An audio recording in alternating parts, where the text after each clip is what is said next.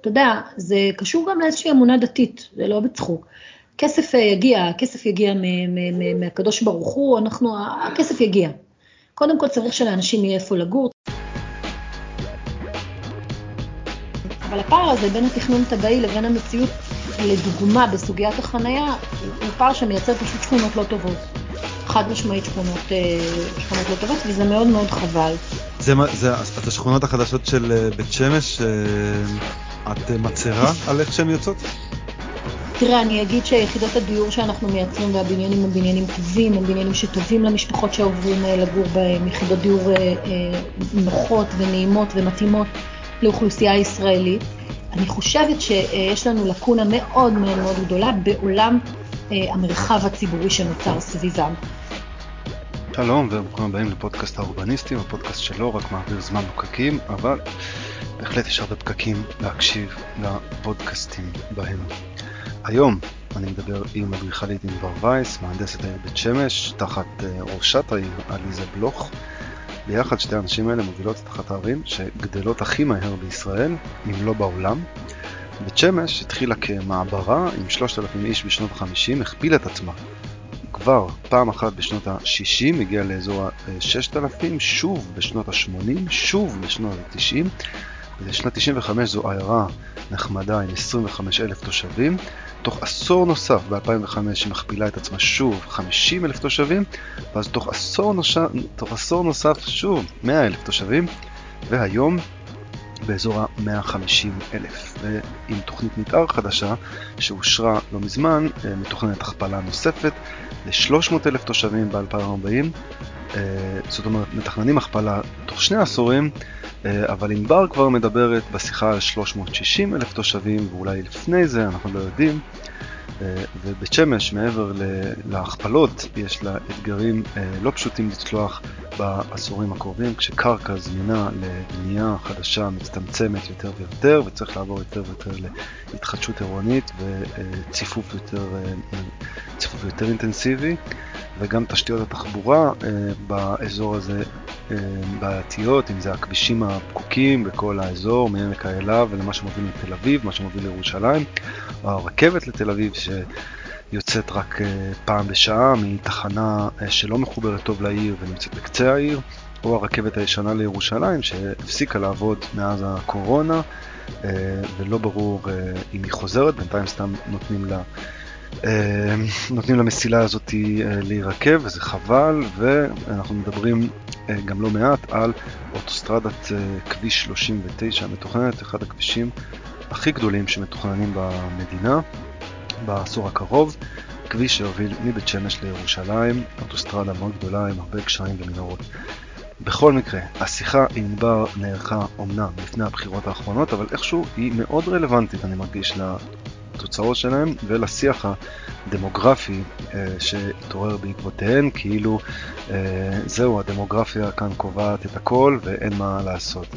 ענבר, למי שלא מכיר, היא אה, אשת אשכולות, כוכבת טוויטר, דתייה לשעבר, יש לה פודקאסט משלה עם, מאוד מצליח עם רות אלבז של שיחות עם דתל"שים.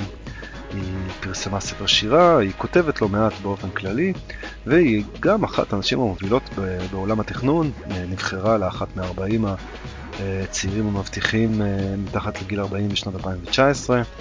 השיחה שלנו אה, נרחבת מאוד ומדברת קצת על תפקידים קודמים שהיא עשתה, גם במגזר השלישי, גם במחוז ירושלים במנהל התכנון, הרבה על בית שמש, חרדים, סוגיות דיור ותחבורה ואדריכלות ושלטון מקומי, ארנונה וכדומה. תפסתי את ענבר בחופשת לידה בבית וסמלי בעיניי ומוסיף לשיחה שהרבה סובבת סביב נושא הילודה שבתה החדשה של אה, ענבר יעל יושבת בחיקה ומדי פעם מדברת קצת ככה כש, כשמדברים על ילודה הילודה נוכחת לפעמים מתלוננת ולפעמים צוחקת. ועכשיו לשיחה עם ענבר. כשתמ"א 38 יצאה לעולם, היו לה כל מיני תיקונים וגלגולים, היום לדעתי כבר תיקון 4, תיקון 5, אני כבר לא זוכרת איזה תיקון, אבל אמ, כשתמ"א 38 נולדה בירושלים או בערים שיש להם גרעין היסטורי לשימור מאוד משמעותי, נכנסו מאוד ללחץ. כי המשמעות הייתה שכל אחד יכול לבוא לכל בניין ולהרוס אותו, להוסיף עליו קומות, וירושלים רצה מהר מהר ועשתה תוכנית לפי סעיף 23 לתמ"א, שזה אומר תמ"א 38 custom made לירושלים, והחריגו את העיר העתיקה כמובן מתמ"א 38 וקבעו שלא יהיה תמ"א 38 בתוך תחומי החומות. ומעבר לזה, במה שהוגדר בירושלים כעיר ההיסטורית, אה, תמ"א 38 תהיה בכללים מסוימים, זה קצת מסובך להיכנס לזה. אחד התנאים היה אה, שבכל אה, בקשה ש... שרוצים לדון, או כל בקשה שמוגשת לעניין תמ"א 38 בעיר ההיסטורית, תהיה רפרנט ממחוז ירושלים, או בכלל, מחוז ירושלים ייתן, ייתן את דעתו. על העניין הזה. היום, בתור מהנדסת עיר שעובדת בשלטון מקומי, יש לי הרבה מה להגיד על זה ששולחים מישהו מהמחוז והוא יגיד מה יקרה בעיר, אבל אה, נדבר על זה. אבל בזמנו אני הייתי הרפרנטית הזאת, זאת אומרת, אני הייתי צריכה לתת לפחות לעניין אה, רחביה, אה, כל בקשה לתמ"א 38 באזור רחביה, קטמון ובאקה. הייתי עוברת על הבקשה, וביחד עם החבר'ה מהרשות המקומית, עם שרון דינור, או כל מיני עובדים שלה בזמנו, היינו צריכים אה, לתת התייחסות. והדבר הזה הרבה פעמים נכנס לקלאשים מול השלטון המקומי שרצה לתת יותר, ואנחנו חשבנו שצריך לתת פחות. אמ, לתת יותר זכויות בנייה. לתת יותר זכויות, זאת אומרת המאבקים שלנו באמת הרבה פעמים היו על קומה אחת או שתיים, היום זה בעולם הדיבור על המגדלים בירושלים, זה נראה לנו yeah. בפרספקטיבה של, אני מדברת איתך פרספקטיבה של עשר שנים, עשר שנים אולי, לא, פחות, נגיד שש, זה נראה לי הזוי. אבל, אמ, אבל אז... שירקתם על קומה אחת או שתיים כשעכשיו מתכננים 40? אנחנו, כן, כאילו, זה יותר מזה. לירושלים אין תוכנית שימור סטטוטורית, מה שיש בתל אביב תוכנית סטטוטורית לכל, לתיבות דואר, אז כן. בירושלים אין, אין אה, שום אה, מערכת אה, מספקת של תוכניות סטטוטוריות, לא באשמת העירייה בהכרח, זה פשוט עיר שכל עשייה תכנונית בה היא אמירה פוליטית בכל הרמות, גם ברמה המקומית, גם ברמה הארצית, ולכן היא מאוד מאוד בעייתי לשחרר אותה עם תוכניות סטטוטוריות משל עצמה, שהיא תוכל לפעול לבד כרשות מקומית עצמאית כמו שצריך, כמו תל אביב לצורך העניין, או אפילו כמו הרצליה, או כמו, לא יודעת מה, אשדוד, בסדר? זה לא חייב להיות ירושלים תל אביב כל הזמן. אה, והמאבקים האלה הם מאבקים מוזרים, זאת אומרת, אנחנו חשבנו שצריך לשמר יותר, הרשות לפעמים חשבה שבמקרים מסוימים צריך לשחרר יותר דווקא ולבנות. אה, ובהיעדר איזשהו קו ברור ומנחה וחד משמעית ואיזושהי מדיניות ברורה לשימור ואיך אנחנו מוסיפים קומות על בניינים אה, לשימור, אה, כן רעפים, לא רעפים, זה דברים שהתפתחו לאט לאט תוך כדי דיונים. אני קצת התרחקתי מהעולם הזה של ירושלים, אז אני אה, אה, מקווה שמי ששומע אותי היום מירושלים יגיד איזה שטויות היא מדברת, יש לנו כבר הכל והכל מסודר, הלוואי. אני פשוט באמת קצת התרחקתי מהמערכת הזאת, אז אני פחות יודעת. אה, אבל בזמנו זה היה קצת יותר, היו כרטסות וכולי, והיו תיקי תיעוד, מה שיש גם היום, אבל עוד למדנו את זה קצת. אה, והדיונים בוועדות השימור היו מאוד מעניינים. יזמים רצו לבנות הרבה, מה שהתמ"א נותנת, ואנחנו... אני חושבת שגם ביחד עם העירייה היינו עסוקים בלבלום. אה, בשכונות החרדיות זה היה עוד יותר קשה, כי הצורך בגידול, ועוד נדבר על זה, הצורך אצלם בגידול הוא צורך הרבה יותר תכוף מהצורך בגידול ברחביה. וכשזה מתנגש ביחד עם אוצרות לשימור בכל השכונות שלהם, מאה שערים, גאולה, בית ישראל, כל, כל, מר, כל המר החרדי אה, שבתוכו יושבים, יושבות המון אה, פנינות שימור, זה קשה, הם רוצים להוסיף הרבה קומות, למכור, לייצר יחידות דיור למגזר, מה שנדרש, ואנחנו רוצים לשמר את המרקם ההיסטורי. אמ, ולכן תמ"א 38 ושימור היו שני תחומים שהיו שזורים אחד בשני כשעבדתי אה, במחוז, לכן זה היה קשור. בירושלים יש מעל 4,500 מבנים לשימור, אם אני לא טועה. זה כמות מטורפת של מבנים, זה בערך פי שלוש ממה שיש בתל אביב. כן. אה, וזה כל מיני סוגים של שימור, זה גם באו-האוס וזה גם אה, בנייה עתיקה, זה המון המון המון. אני יכול אה, להגיד לך שגם לונדון, שהיא עיר מאוד היסטורית, נכון. אולי, אולי לא כמו ירושלים, אבל לא כזה רחוק, פחות בתים, אני חושב באזור האלפיים בניינים לשימור. כן, ועוד, ועוד היום מתחילים לדבר על, אה, בתל אביב כבר מכניסים את הברוטליזם כבניינים לשימור, mm-hmm. ולאט לאט הם מתקדמים. אה, בירושלים אני לא יודעת אם כבר התחילו לדבר על זה, אבל ב, אם יכניסו גם את הסגנון היותר חדיש כאילו של אה, ברוטליזם בשנות ה-70 וזה, אנחנו בכלל מגיעים פה למספרים מטורפים.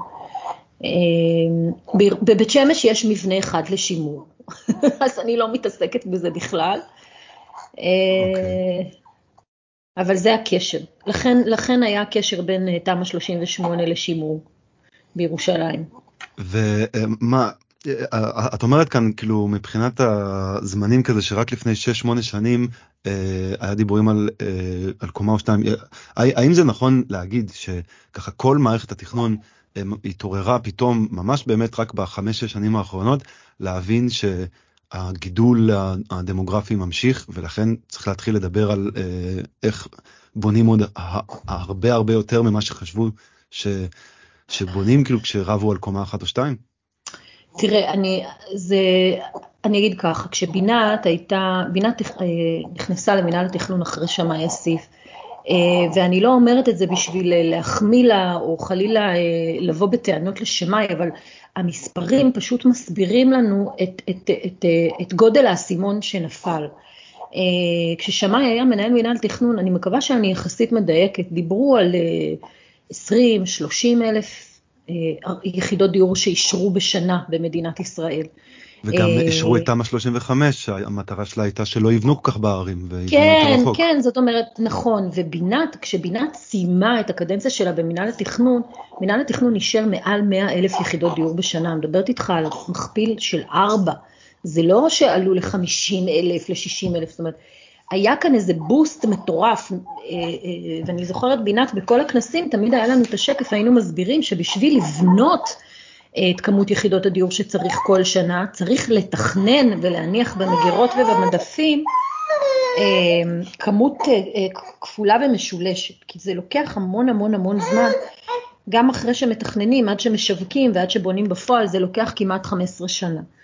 אה, וזה היה הפער, זאת אומרת, בערך בתקופה הזאת, ואז גם היה תיקון 101, ואז גם, זאת אומרת, היו המון המון דברים, הורידו למטה לשלטון המקומי, עשו כל מיני דברים שהמטרה שלהם הייתה בעצם אה, אה, לתת בוסט מטורף לתכנון ו, אה, ומימוש. גם ככה לא נכנס, הקימו את מטה הדיור, וזה אחרי, רצו. אה, אחרי המחאה הגדולה של 2011.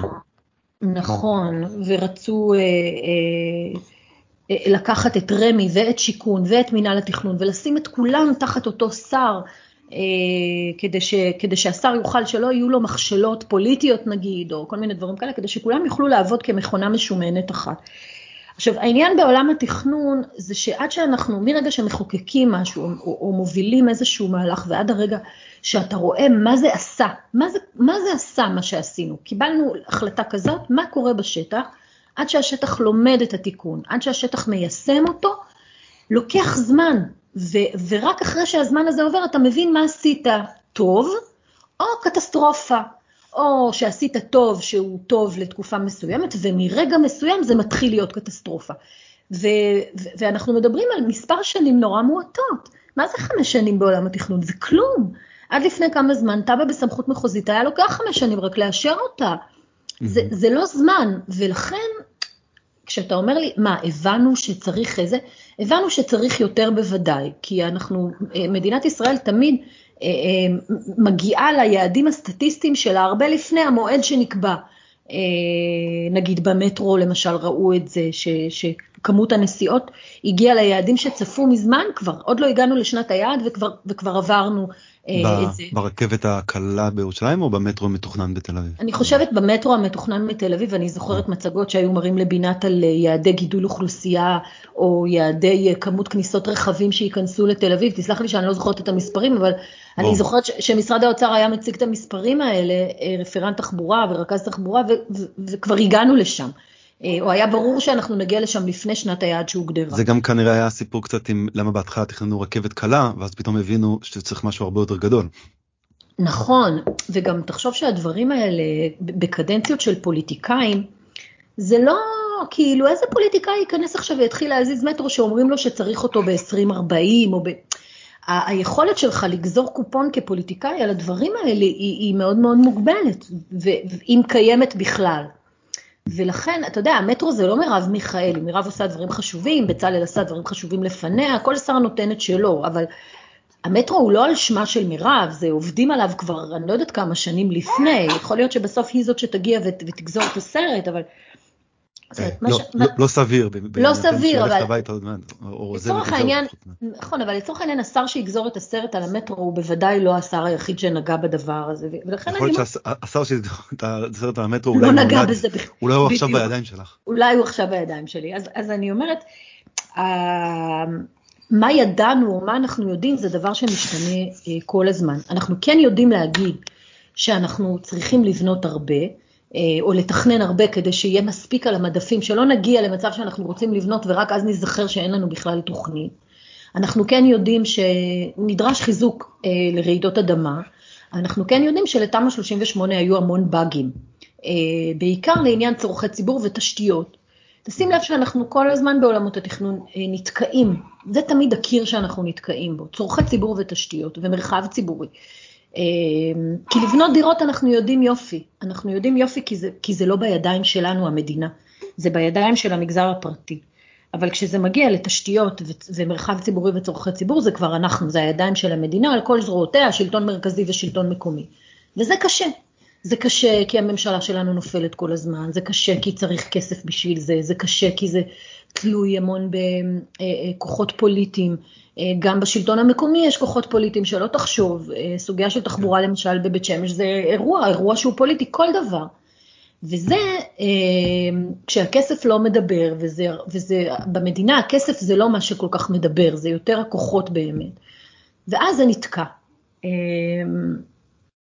אז לאט לאט עושים, והלאט לאט הזה תמיד רץ אחרי מה שקורה בשטח ולא רץ חלוץ לפניו. אה, אני לא חושבת שמדינת ישראל היא מיוחדת בזה, אני בטוחה שזה ככה בכל העולם. אני חושבת שהדבר היחיד שאנחנו פחות טובים בו, מה שלמדו כבר מזמן בעולם לעשות, זה להשתמש במגזר הפרטי לטובתו ולהפעיל את המגזר הפרטי שיעבוד בשבילנו. אה, להבין שאנחנו לא טובים בזה והמגזר הפרטי כן טוב בזה ולתת לו גם חוקית וגם מעשית את הכוח לבנות עבור הרשויות ולבנות עבור המדינה, וזה עדיין... אבל רואים כל מיני כאלה דברים של מטלות יזם. נכון. יש הרבה ביקורת על זה גם. נכון, בעיקר כי אנחנו עושים את זה בהמון חשש ובהמון קומבינות אה, משפטיות, ותמיד אנחנו לא צריכים, לא, אסור לנו לקרוא לילד בשמו באמת, ואסור לנו להגיד מטלות יזם היום. אה, זה, אנחנו עושים הסכמי פיתוח מקבילים לתב"ע, או מקבילים להליכי התכנון, אה, אסור לנו לבוא ולהגיד זה היזם שבגללו עכשיו אנחנו צריכים להוסיף פה, לא יודעת מה, לחדש פה את כל תשתיות הביוב, הוא יבוא והוא יעשה לנו אה, על הדרך במחיר יותר זול, כי זה כבר קבלנים שלו בשל, זה דברים שאסור לנו להגיד אותם בקול, אנחנו מייצרים כל מיני מניפולציות משפטיות שיאפשרו לנו לעשות את זה, אבל זה תמיד מסורבל, אה, ותמיד במין אמירות כאלה, לא אמירות. אני חושבת אה, שבחוץ לארץ זה פועל הרבה יותר בקלות, אה, אמריקאים במיוחד, וגם, אה, או שאתה רואה את המדינה עושה את זה במדינות שיש להן המון המון המון כסף, כמו הסקנדינביות, הקנדים, אתה יודע, כל מיני מדינות כאלה שכסף שם לא חסר, ואז הם פשוט בונים את מה שצריך, צריך לומר שגם יש להם פחות אוכלוסייה מאיתנו, וקצב גידול אוכלוסייה וכולי. נכון, אה, למרות שמבחינת קצב גידול האוכלוסייה אני פעם נכנסתי לזה ולמשל אה, אה, הערים שלנו, גידול האוכלוסייה בישראל הוא פחות משני אחוז, הוא אף פעם לא אפילו לא הגיע לשני אחוז, הקצב שבו לונדון גדלה הוא שתיים וחצי אחוז בעשור האחרון. זאת אומרת הערים גם בחוץ לארץ גדלות מהר, אז זה לא, זה לא כזה חריג מה שקורה בישראל. אני חושב, אני, אבל הערים, תראה, הערים בחוץ לארץ קיימות מאות שנים. אה, מערכות שקיימות מאות שנים, מבוססות נכון. יותר. אני תמיד מאוד, כשיש ביקורת גם ברשתות חברתיות עלינו, אני תמיד אומרת, חבר'ה, אנחנו מדינה נורא, קטן, נורא צעירה. צריך לזכור את זה, באמת. אה, אני הרבה יותר סלחנית. אנחנו 70 וקצת שנה, זה כלום, באמת, זה כלום בפיתה. אנחנו אה, עם המון, בעשורים שלנו, היו לנו המון מלחמות, המון מאבקים, סדרי עדיפויות שלנו הם אף פעם לא תכנון עירוני. זה שמדברים היום על המטרו ועל תחבורה, וזה סוגיות שהממשלה פתאום נזעקת לגביהן, זה, תקשיב, זה יופי של דבר. אמ, זה, זה, קצת, זה קצת נורמליות באולי מדינה ש... כן, כאילו, מה הדבר הבא? שנדבר על מזג האוויר, כאילו, זה, זה, אנחנו, ממתי שרים רבו פה על מערכות תחבורה להסעת המונים? זה, זה כאילו, ברור שהם עדיין עושים את זה נורא דמגוגי, בסדר, אני לא מוחאת פה לכולם כפיים סוערות, אבל, אבל זה לא משנה, עצם זה שמה קורה במרכז הארץ עם תחבורה, מה עושים עם תחנה מרכזית בתל אביב, מה, כל הדברים האלה עולים פתאום לכותרות ברמה ששרים מדברים על זה, זה, זה דבר נחמד, זה אומר שאנחנו. תמיד ב, אנחנו בהתקדמות. אבל יש לנו עוד המון עבודה, זה... אתה יודע, בלונדון, איפה שאתה חי, אז כבר עשו, אנחנו הרי יושבים על התשתית התכנונית חוקתית של, של אירופה, של בריטניה. כן. הם עשו כבר איזה ארבע רפורמות מאז. הם נכון. שינו כל כך הרבה דברים מאז, הם כבר בכלל לא עובדים במודל שאנחנו עדיין תקועים עליו. אה, אז אנחנו קצת עשינו תיקון 101 ואנחנו טיפה מנסים, אבל הם כבר מזמן עובדים במודלים אחרים של מחוזות, חלוקות הארנונה הן אחרות לגמרי בעולם, כל מיני דברים נכון. כאלה שאנחנו עוד נגיע, נגיע אליהם, והם אה, משפיעים באופן ישיר. אה, אני, אני, אני חייב להגיד שאם תל אביב באמת אפשר להשוות אותה, או גם את ירושלים שאפשר להשוות לערים גדולות אחרות ומה שקורה להם גם היום, מה שחריג בישראל זה מה שקורה למשל בבית שמש. שזה נכון. אין, אין עיר קטנה באנגליה שגדלה בקצב הזה, או שצריכה נכון. לגדול בקצב הזה. זה אולי המספר... דומה לסין. נכון, ולכן המספרים, אתה אומר לי, ענבר, כשמסתכלים על זה, הם גדלים בשתיים אה, ומשהו אחוז, זה, זה בגלל שתלוי מאוד, בגלל שזה תלוי מאוד איך, איך סופרים, איך אנחנו סופרים את המספרים. אני רוצה להגיד לך שבבית שמש אה, נולדות לי שתיים וחצי כיתות בשבוע. אני, אין לי שום סיכוי להספיק לבנות כמות בתי ספר, שזאת המטלה שלי כמהנדסת עיר, בתי ספר, גני ילדים, מעונות יום, אה, מתנסים. אה, אין לי שום סיכוי להדביק את הדבר הזה. זה, זה קצב גידול שברמה ארצית, אם תכניס אותו לפול הארצי זה אולי לא נורא, אבל כשאתה עיר קטנה, אה, פריפריה חברתית של מדינת ישראל, בסוציו-אקונומי מאוד נמוך, זאת משימה שהיא כמעט בלתי אפשרית, בלי התערבות ממשלתית מסיבית. מסיבית זה אומר גם לתקצב, גם לבנות עבורי, גם לתכנן עבורי, כאילו לעשות לי הכל, ממש לחתל אותי ולהלביש אותי. וזה לא טוב, ערים שהן כל כך, כל כך לא עצמאיות אה, אה, במובן הזה. אנחנו עושים את המאמץ, עוד נדבר על בית שמש, אבל אה, זה למשל אנומליה מוחלטת. כן. אה, והתוכנית... אני, מעניין אותי לגבי בית שמש סתם, לגבי מה שאת חושבת. האם יש, האם יש היגיון שדווקא בית שמש תגדל כל כך הרבה? למה שלא, אה, אם באמת יש לנו כל כך הרבה ביקוש למגורים, חרדים וזה, שילכו לגור בערים הגדולות, בתל אביב, בירושלים, שיבנו שמה. אז תראה, אה, אני אגיד ככה, ואני בן אדם מאוד לא פוליטיקלי קורקט, אף אחד לא רוצה אותם בערים הגדולות, צריך להגיד את זה בקול. אתה יודע מה יקרה עם כל ה... אם כל הקבוצה החרדית הזאת תגיע לתל אביב ותבנה שם בצמוד לצפון הישן שכונה חדשה, שאני אסביר לך מה יקרה, אתה יודע לבד. אז בבית יעקב, או כאילו במטרופולין תל אביב, בהגדלות של בני ברק, הגדלות של פתח תקווה. תראה, בני ברק סתומה מכל הכיוונים, אין לה באמת לאן לזוז. אה, אין לה באמת לאן ל... נכון, לגובה, והם עוד, והם עוד יגיבו, אלא גם לגובה זה מסובך, כי אני לא יודעת אם היית בבני ברק, אה, ביקרת בבני ברק, אבל הצפיפ... הצפ... הצפיפות היא גדולה, רוחב הכבישים הוא לא מתאים, זאת אומרת, הצרות שאנחנו מדברים עליהן ב... בתמ"א 38 הן עדיין צרות שקיימות גם בבני ברק. החרדים זה גם לא שאתה אומר, לכו תגורו, אתה יודע, רצו שהם יגורו בערד, הם רצו לגור, אה, אה, כן מתחילות אה, באשדוד, כל מיני, יש, אבל הדבר הזה הוא מייצר המון קונפליקטים במדינת ישראל, קונפליקטים חברתיים. מאוד משמעותיים, יש המון, אתה יודע, דעות קדומות ולחצים פוליטיים, וזה לא רק דעות קדומות, זה גם באופן מעשי, חרדים הם לא, בניגוד למה שאומרים בעיניי, חרדים לא באים להשתלט על ערים, אני לא חושבת שהם עושים את זה בצורה מכוונת בכלל. הם פשוט אוכלוסייה שגדלה בקצב מאוד גדול ויש לה צרכים, ובכל מקום שהם מגיעים אליו מאוד מאוד מאוד מהר, הרי גם לבית שמש הם הגיעו שכונה ו... קטנה, בשנות ה-90 שכונה קטנה, והנה זה הפך להיות אה, אה, אה, רוב העיר. זאת אומרת, הם מתחילים במשהו קטן והם לאט לאט משתלטים במרכאות, כי הם, כי הם פשוט כאלה, זה לא משהו בזדון. אתה יודע, אם היית, אם היה לנו זמן והיינו נכנסים לנבחי החברה החרדית, אין לך מושג כמה הם מפולגים ומפוצלים ו-50 גוונים של שחור. זה לא, זאת אומרת, בעולם הבחירות הארציות הם באמת כגוף אחד והם כולם מצביעים ג' וכולי, אבל בגדול הם, הם, הם חסידויות על גבי חסידויות, אה, אה, פלגים על גבי פלגים שלא מסתדרים אחד עם השני, וזה עוד לפני שדיברתי על הספרדים וכולי. אין כאן איזה מדיניות זדונית להשתלט על מדינת ישראל, אבל בפועל, כשהם נכנסים לעיר, הם שואבים המון מהמשאבים שלה. ולדעתי ערים חזקות לא יסכימו בשום פנים ואופן להכניס אליהם, כאילו צריך לומר את זה. על אף שזה לא כאילו PC. פעם זה היה ככה, חרדים היו גרים בירושלים, בתל אביב גם, בני ברק, וחיפה, גם תמיד היה לנו שם חרדים. אז תראה, ו... היום יש חרדים גם בצפת, ויש חרדים גם בביתר עילית, ויש חרדים במודיעין עילית, ובקריית ספר, ובאלעד. ובאשדוד. ובאשדוד, ויש חרדים גם בבית שמש כמובן. ובנתניה. ו... נכון, ולאט לאט זה, זה גם תלוי איזה סוג חרדים. אני חושבת שחרדים הטיפה יותר מודרניים, ליטאים היותר מודרניים, או אוכלוסיות שהן פחות חסידיות, כן עוברות לגור בערים מעורבות. אני אספר לך שיש חרדים שגם עוברים לגור במטה יהודה. הם מחפשים בתים גדולים, בתים פרטיים גדולים, ועוברים לגור בשכנתה של בית שמש במטה יהודה. אבל חסידויות למשל, שעובדות חזק מאוד סביב החצרות החסידיות והקהילה, הם לא יכולים פשוט לעבור לגור באיזה עיר. זה לא עובד ככה, הם צריכים שיהיה את השלד הקהילתי, החינוכי, הקהילתי, המאוד מאוד ברור שמשרת אותם.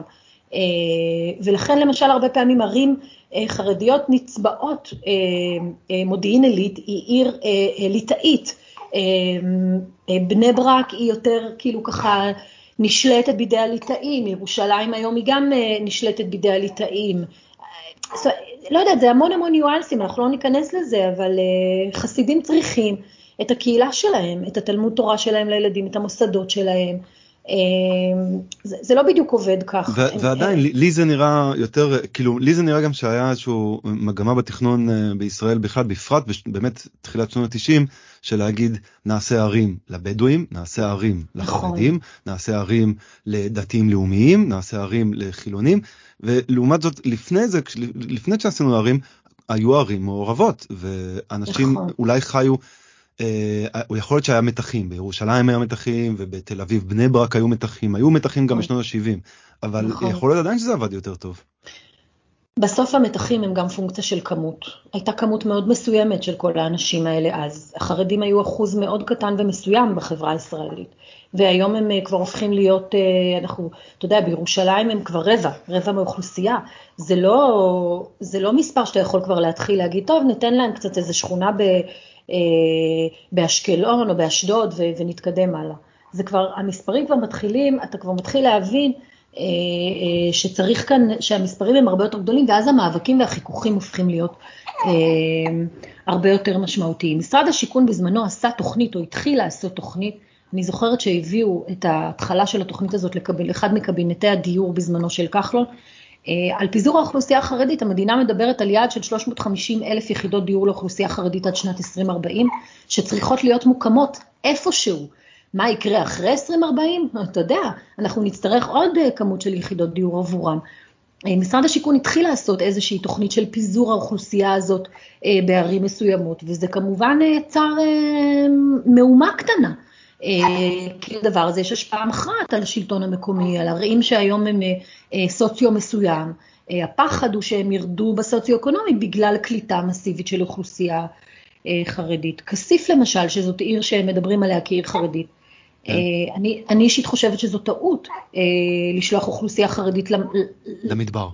לחורז, סליחה שאני אומרת, בלי שום קשר למוקדי תעסוקה רלוונטיים, במקום לתת את העיר הזאת לאוכלוסייה בדואית, ששם היא חיה, וזה האביטט הטבעי שלה כבר שנים על גבי שנים, וגם להשתמש אה, בזה כמנוף להסדיר חלק מהבעיות של הפזורה, זה כמובן לא כזה פשוט וכולי, אבל אה, בזמנו זאת הייתה העמדה של מינהל התכנון כשאני הייתי אה, בו, אבל שוב, הכל פוליטיקה.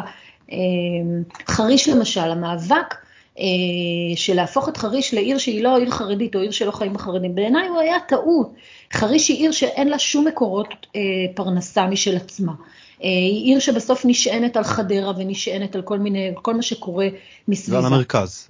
כן, אז כבר היו נותנים אותה לחרדים, שיגורו שם החרדים, והם היו מתס... עובדים או מוצאים את מקורות התעסוקה בערים הסמוכות ליד. מה עשו? יצרו עיר, כל המאבקים הפלורליסטיים והליברליים, אתה יודע, כל המלחמות האלה, ש... ש... ש...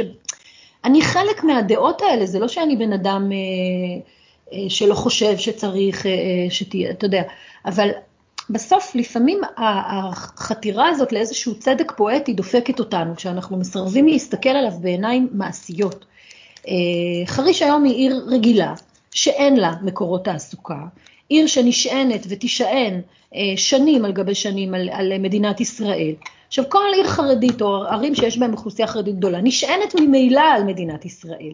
אה, עד שיקרו שינויי עומק בחברה החרדית, זה ייקח זמן, אז למה לא לשים שתי בעיות ולפתור אותן בעיר אחת? זאת אומרת, לפעמים אנחנו ממש יורים ברגל של, ברגליים של עצמנו אה, בהיבט הזה. עכשיו, למה אנחנו עושים ערים נפרדות? אני לא חושבת שאנחנו באמת עושים ערים נפרדות, בכל עיר יש סוג של מגוון. אני חושבת שהתשובה היא שאנחנו פשוט למה, לא... למה, יש, יש לנו את מודיעין עילית, ביתר עילית, הדוגמאות האלה הם לגמרי... נכון, אבל זה באמת, זה באמת אה, אה, מקרים, באמת מקרים בשוליים, אתה יודע. זה גם, אה, הם התנחלויות, יש גם, גם איזשהו קשר. נכון, הם התנחלויות, זה גם קשור, נכון, זה גם כן, נכון, זה גם חלק מה... זה גם כן חלק מהעניין, אבל אה, אני חושבת שאנחנו צריכים, לא יודעת, אנשים לא רוצים, מה שאנשים לא רוצים לא קורה, תשים לב. המדינה מנסה כבר מעל 70 שנה לפזר אותנו בחמישה מטרופולינים ולא מצליחה. כי אנשים רוצים לגור במרכז, מה אפשר לעשות? ואנחנו לא רוצים לגור ביחד עם, אה, סליחה שאני, אתה יודע, לא יודעת מה יגידו עליי אחרי הפרק הזה, אבל כן. אנש, אנשים לא רוצים לגור עם, אה, עם חרדים ועם ערבים ועם זה, לא רוצים, הם רוצים לגור עם אנשים כמוהם. איך אנחנו משפיעים על זה או מתערבים בזה? אה, זאת שאלה, אבל בסוף מה שאנחנו לא רוצים כבני אדם, מאוד קשה לשלוט. כמתכננים מאוד קשה לנו לשלוט, אה, הגישה הזאת, המחנכת, היא גישה שאני לא, לא כן. שותפה לה. אה, אני חושבת שבגלל זה זה לא קורה, ובגלל זה קורות המובלעות האלה, גם בגלל אופי הקבוצות האלה, שצריכות את התנאים שלהם, שהן אוהבות לחיות ביחד ברמה הקהילתית, וגם כי אנחנו מפחדים עדיין אחד מהשני מאוד. תגידי, אה, את מדברת על ענייני התעסוקה אצל חרדים, את יכולה לספר לי על איך אה, נראה הבוקר בבית שמש. אה, החרדים, הם באמת לא הולכים לעבוד כמו שאנחנו חושבים, או ש... אני מה, חושבת, מה אני, אני למדתי, אני למדתי מבית שמש ו, ולמדתי מחרדים. הנתונים שיש למדינת ישראל על האוכלוסייה החרדית הם נתונים לא נכונים, לא מדויקים. אה, רוב האוכלוסייה החרדית עובדת היום, הם פשוט עובדים מתחת לרדאר הסטטיסטי. או במילים לא מכובסות, עובדים בשחור, כמו אוכלוסייה ערבית במובנים רבים. אה, זה נכון שתרבותית, אה, אצל הליטאים למשל, אה, אנשים יעבדו, הגברים באופן מסורתי ילמדו, אצל החסידים זה הרבה פעמים הפוך, דווקא הנשים החסידיות יצאו לעבודה, והגברים, סליחה, הגברים החסידים יצאו לעבודה ונשים יישארו בבית, ו, והיום כמעט כולם כבר, אה, או, או באחוזים מאוד גבוהים, בטח יותר גבוהים ממה שמפרסמים לנו אה, המקורות הסטטיסטיים של המדינה, הם עובדים, הם עובדים בשחרור. אה, מכל מיני סיבות, גם כי אין להם תארים הרבה פעמים והם לא יכולים להשתלב בשוק העבודה הישראלי כמו כולנו, גם כי הם עובדים בתוך המוסדות של עצמם, במוסדות החינוך, במוסדות ההצדקה, אמ, ואז הכל נשאר בתוך המשפחה, ואנחנו, כמו שאנחנו לא יודעים מה קורה בעולמות החינוך שלהם, ככה אנחנו לא יודעים מה קורה בעולמות התעסוקה שלהם. זה שרשראות מזון תעסוקתיות מאוד אה, מעניינות, דרך אגב, אה, שמקיימות אותן, אמ, ולכן לדעתי אנחנו לא יודעים. איך נראה יום עבודה? בעיקרון, אה, בדרך כלל גבר מפזר ואוסף, או הגבר מפזר, אישה יוצאת לעבודה. אה, אני למשל מעסיקה מעל 40 נשים חרדיות אה, במנהל הנדסה, אה, בן הזוג שלהם הוא זה שמפזר בדרך כלל בבוקר, ולפעמים הוא גם זה שאוסף בצהריים ואז אוסף אותם מעבודה, או שהן יוצאות מוקדם ואוספות מוקדם. שלוש וחצי כמו שוק העבודה האימהי הישראלי. וככה זה נראה, הן עובדות, נשים חרדיות עובדות מעבר לעולמות החינוך והחסד, שזה העולמות שבהם חסידים הם. חרדים פורחים, ששווקי העבודה שלהם באמת אה, פורחים, אה, ראיית חשבון, הנדסאים, אה, כל מיני תחומים כאלה שתופסים הרבה, הרבה תאוצה, וגם מכניסים אותם כבר בסמינרים שלהם מיד אחרי תיכון, ונשים משתלבות בהם. אני מאוד הייתי רוצה להביא למילן הנדסאי אדריכלים חרדים, עוד לא נתקלתי, אמ, זה או אדריכלים או אמריקאים או חוצניקים אנגלוסקסים שלמדו בחו"ל, שיש הרבה מהם בבית שמש, לא? בית שמש כן, יש הרבה או... חרדים אמריקאים. נכון, או שהם בעלי תשובה, זאת אומרת אנשים שלא גדלו בחברה החרדית והם הם, הם למדו אדריכלות בתור אנשים לא חרדים ואז חזרו בתשובה ונהיו, זאת אומרת קשה לי למצוא אה, אה, מנהל אגף, אדריכל, אדריכל עיר חרדי, שזה משהו שנגיד, אני חושבת שהיינו משלבים, המתכנן, מישהו שבאמת בא מהעולמות האלה, הייתי בשמחה משלבת. אה, זהו, איך נראית משפחה חרדית אנחנו יודעים, אנחנו מדברים על משפחה סטנדרטית, מיינסטרימית חרדית, היא בין 8 ל-12 ילדים במשפחה, אה, דירה ממוצעת אה, או דירה סטנדרטית שלהם תהיה דירת ארבעה חדרים, אה, חדר בנים, חדר בנות, ילדים ישנים בסלון, ילדים ישנים גם עם אבא והתינוקות ישנים גם עם אבא ואימא.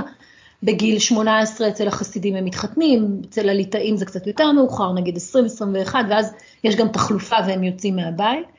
בהיבט האורבני זה מעניין כי שני דברים. אחד, כשאנחנו אומרים עוני, אה, ואנחנו אומרים שמשפחה עם שמונה ילדים חיה בדירת אה, ארבעה חדרים, זה נראה לנו עוני. בחברה החרדית זה לא עוני, זה סטנדרט. אה, אז גם צריך להבין שגם כשאנחנו סופרים עוני, אנחנו סופרים אותו בפרמטרים של חברה מודרנית, לא בפרמטרים של חברה חרדית.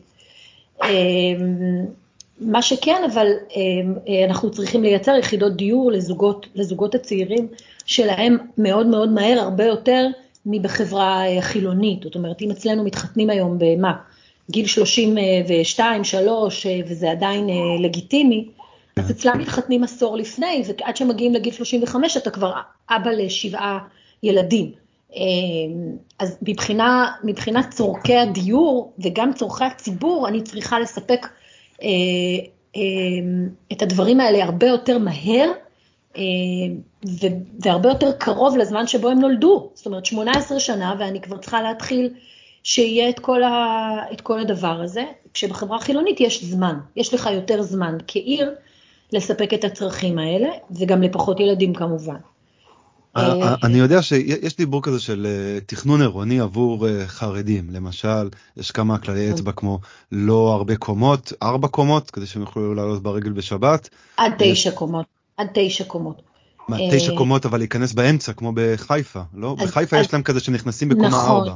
נכון, אז בעיקרון אפשר עד תשע קומות, גם אם זה מאפס, אפשר לעלות עד תשע, זה סיוט, אבל נגיד שזה היום מקובל.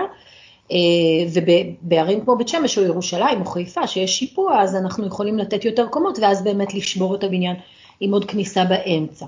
אה, תראה, בירושלים, שזאת עיר הקודש, אה, אז רבנים פסקו שבשביל לגור בירושלים, שזאת זכות ומצווה לגור בירושלים, אז גם אם צריך לגור במגדלים יותר גבוהים ולעלות במעלית שבת, זה, זה מותר בירושלים. יש כאלה שהרוב החרדי אה, אה, זורם עם זה, יש כאלה שלא. אה, שוב, אתה יודע, זה עניין של הפוסקים שלהם וההנהגה הרוחנית שלהם, אני לא נכנסת לזה. לדעתי, עם התקדמות השנים והעובדה שאנחנו נצטרך עוד ועוד פתרונות דיור למגזר, הפסיקה הזאת ת, תתקדם ותתפתח לכל הערים, גם לבית שמש. תגידי, באופן עקרוני לגבי אה, מגדלים, הרי היום יש, בתחום האורבניסטים יש הרבה אה, ביקורת על אה, מגדלים, במיוחד על המרחב הציבורי שהם יוצרים, ואומרים, ואני חושב בצדק, שאפשר להגיע לצפיפות שמגיעים במגדלים בעזרת בנייה מרקמית שהיא לא כזאת גבוהה, באמת תשע קומות, אם אה, זה מה שחרדים מוכנים לעלות, אז בתשע קומות, אה, כאילו, יש הרבה אנשים שאומרים שלא צריך יותר מתשע קומות גם ככה, אם בונים מספיק אה, צפוף ולא כזה מגדלים בפארק.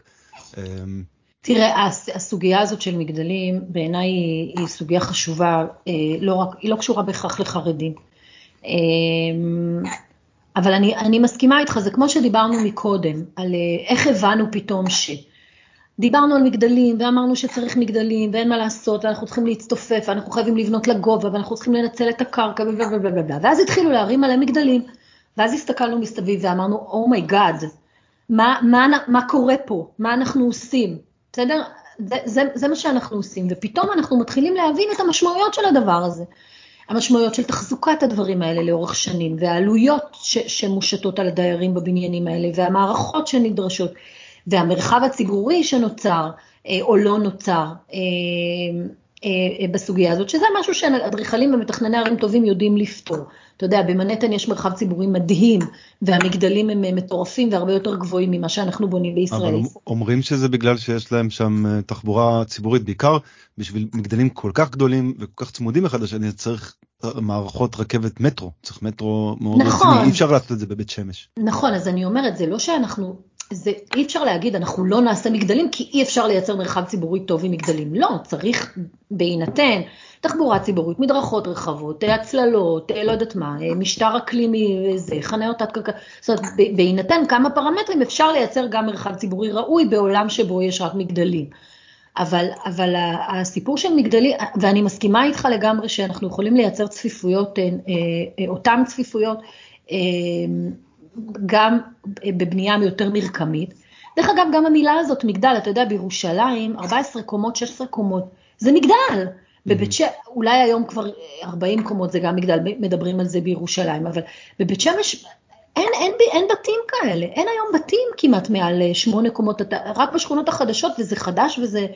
אם אני עכשיו אשים 20 קומות בבית שמש, זה, זה מגה אירוע, זה מגה כן. אירוע על העיר הזאת, אז גם מה זה מגדל? אני כל הזמן אומרת, למה אתם עולים לכל הגבהים האלה? בואו בוא נתחיל ב-14, בואו נתחיל ב-16. כאילו, ישר קופצים בשם ההתחדשות העירונית למגדלים פסיכיים, ו- וזה מאוד מאוד מפחיד אותי. אה, זה נכון שאפשר לייצר אה, אה, רקמה יותר צפופה, אם אנחנו נתגרש כבר ממושגים כמו אה, מגבלת תכסית או מגבלות קווי בניין, שאנחנו עדיין מתעקשים, אתה גר בלונדון, כמה בתים, רחובות שלמים, בלוקים שלמים שהם על קו אפס, אה, אה, בתים, בתי שטיח כאלה, כמה יש? כן. המון. ככה, ככה בונים. ככה בונים. בגדול קו אפס זה אולי איזה משהו באמת תרבותי, אין להם שום בעיה עם זה, גם נכון, שיראו אותם מהרחוב, יש הרבה חלומות לרחוב. נכון, גם באמסטרדם רואים את זה הרבה, וגם מרפסות שמרחפות מעל הראש שלך כשאתה הולך במדרכה.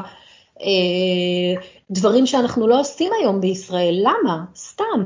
תגידי, אה, בבית שמש בונים, אה, כמה בונים עם חניונים תת-קרקעיים? לא, אנחנו לא בונים עם חניונים תת-קרקעיים. אז זה אומר שצריך חניות עיליות, חניות במפלס הקרקע. זאת גם סוגיה, סוגיית החניה היא גם סוגיה שאנחנו מדברים בה הרבה, שתבין שהפער, קודם כל חרדים גם משתנים זה גם מאוד מאוד משתנה איך הם משתמשים בחנייה. אולי המגזר שמשתמש הכי הרבה בתחבורה ציבורית לדעתי במדינת ישראל, mm-hmm. ותקן החנייה הוא מאוד מאוד משתנה, זאת אומרת, אה, אה, רוב האוכלוסייה לא מאוד, לא רוכשת שתי מכוניות, רוכשת אולי מכונית אחת ואולי גם לא רוכשת. וככל שאנחנו. לא מצליחים להדביק את הקצב ולספק להם שירותי תחבורה ציבורית כמו שצריך, הם פשוט הולכים וקונים מכוניות. אה, אנשים שיש להם, משפחות שיש להם יכולת, הם, הם יקנו מכונית, הם יתייאשו והם יעברו למכונית. אה, אחת הסיבות שאין הרבה מכוניות במגזר היא מכיוון שנשים לא נהוג שנשים נוהגות, בסדר? אבל גם הדבר הזה, זאת אומרת, גם החברה שלהם עוברת שינוי. אה, אז יש לי כאילו מזל במרכאות, שזה מבחינה תרבותית לא מכובד, כאילו שאישה, שזה רכובי וזה לא מכובד שאישה נוהגת, אז, אז יש לי פחות מכוניות על הכביש, אבל אני מחויבת לספק לה תחבורה ציבורית כמו שצריך. אמ, אבל מצד שני, החרדים האנגלוסקסים, מאוד מקובל בארצות הברית שיש להם את האוטו האות, הענק הזה, אה, ויש להם מכוניות גדולות ולפעמים גם שתיים, ואז שם כן יש לי מצוקת חניה. אבל מה שיותר מעניין בהיבט התכנוני, הוא שאת הטאבה מתכננים עם חניה תת-קרקעית, ובהיתר הבנייה היא נעלמת. זאת אומרת, אני, ואז אני לא מקבלת את מה שהתכוונה התב"ע בכלל ברמת הרחוב. אני מקבלת מדבריות חנייה, עיליות, במקום לקבל אה, מרווח קטן יותר בין בניינים, רחובות אה, שיש ב, רחוב ומיד גינה פרטית ובניין, אני במקום זה מקבלת רחוב, משטח חנייה קדמי, ורק אז מתחיל הבניין, ואז אתה מקבל רחובות מנוכרים מאוד, רחובות חסרי אופי, אה, וכל מיני רעות חולות ש, שה... התכנון לא לוקח בחשבון את המציאות. אני ניסיתי לעשות, אה, עשית, עשינו בבית שמש מפגש, אה, הבאתי כמה יזמים אה, שבונים אצלנו מאות ואלפי יחידות דיור בבית שמש והפגשנו אותם עם משרד השיכון שמתכנן לנו את הטבעות. וביקשתי מהם שהם יסבירו בקולם את מה שאנחנו, אני ואדריכל העיר צועקים למשרד השיכון כבר כמה שנים טובות שהטבעות לא רלוונטיות לתכנון המעשי בפועל, ושאנחנו רוצים שישנו את זה כבר בתב"ע, כדי שייתנו לנו את הפתרונות הנכונים כבר בתב"ע. והם הקשיבו, ואני לא יודעת כמה באמת יהיה שינוי אמיתי. הם ימשיכו לתכנן חנויות תת-קרקעיות. האמירה שלהם היא שברגע שערכי הקרקע יעלו, ובבית שמש... אז יהיה שווה לעשות את זה. אז יהיה שווה לחפור חניות תת-קרקעיות. יכול להיות, אני יודעת שאנחנו כבר הגענו ל-14 ו-15 קומות, ודירות בבית שמש נמכרות לפעמים במחירים שהם כבר קרובים ומתקרבים למחירים של ירושלים, ועדיין לאף אחד לא משתלם לעשות חניות תת-קרקעיות, יזמים אה, יסבירו. צריך גם לומר שיש לנו קברים ועתיקות, זה גם אירוע לא פשוט כן. בעולם התכנון לאוכלוסייה דתית. שלא פשוט גורסת עם שופל את הקברים האלה, אלא מטפלת בהם ברמה ההלכתית וכל מיני אה, פתרונות שמייצרים עלויות מאוד, מאוד, אה, משיתים עלויות מאוד כבדות על הפרויקט. זה מורכב. אה, אבל הפער הזה בין התכנון הטבעי לבין המציאות, לדוגמה בסוגיית החנייה, הוא פער שמייצר פשוט שכונות לא טובות. חד משמעית שכונות, שכונות לא טובות, וזה מאוד מאוד חבל. זה, זה, אז השכונות החדשות של בית שמש, את מצרה על איך שהן יוצאות? תראה, אני אגיד שיחידות הדיור שאנחנו מייצרים והבניינים הם בניינים טובים, הם בניינים שטובים למשפחות שעוברים אה, לגור בהם, יחידות דיור אה, אה, נוחות ונעימות ומתאימות לאוכלוסייה הישראלית.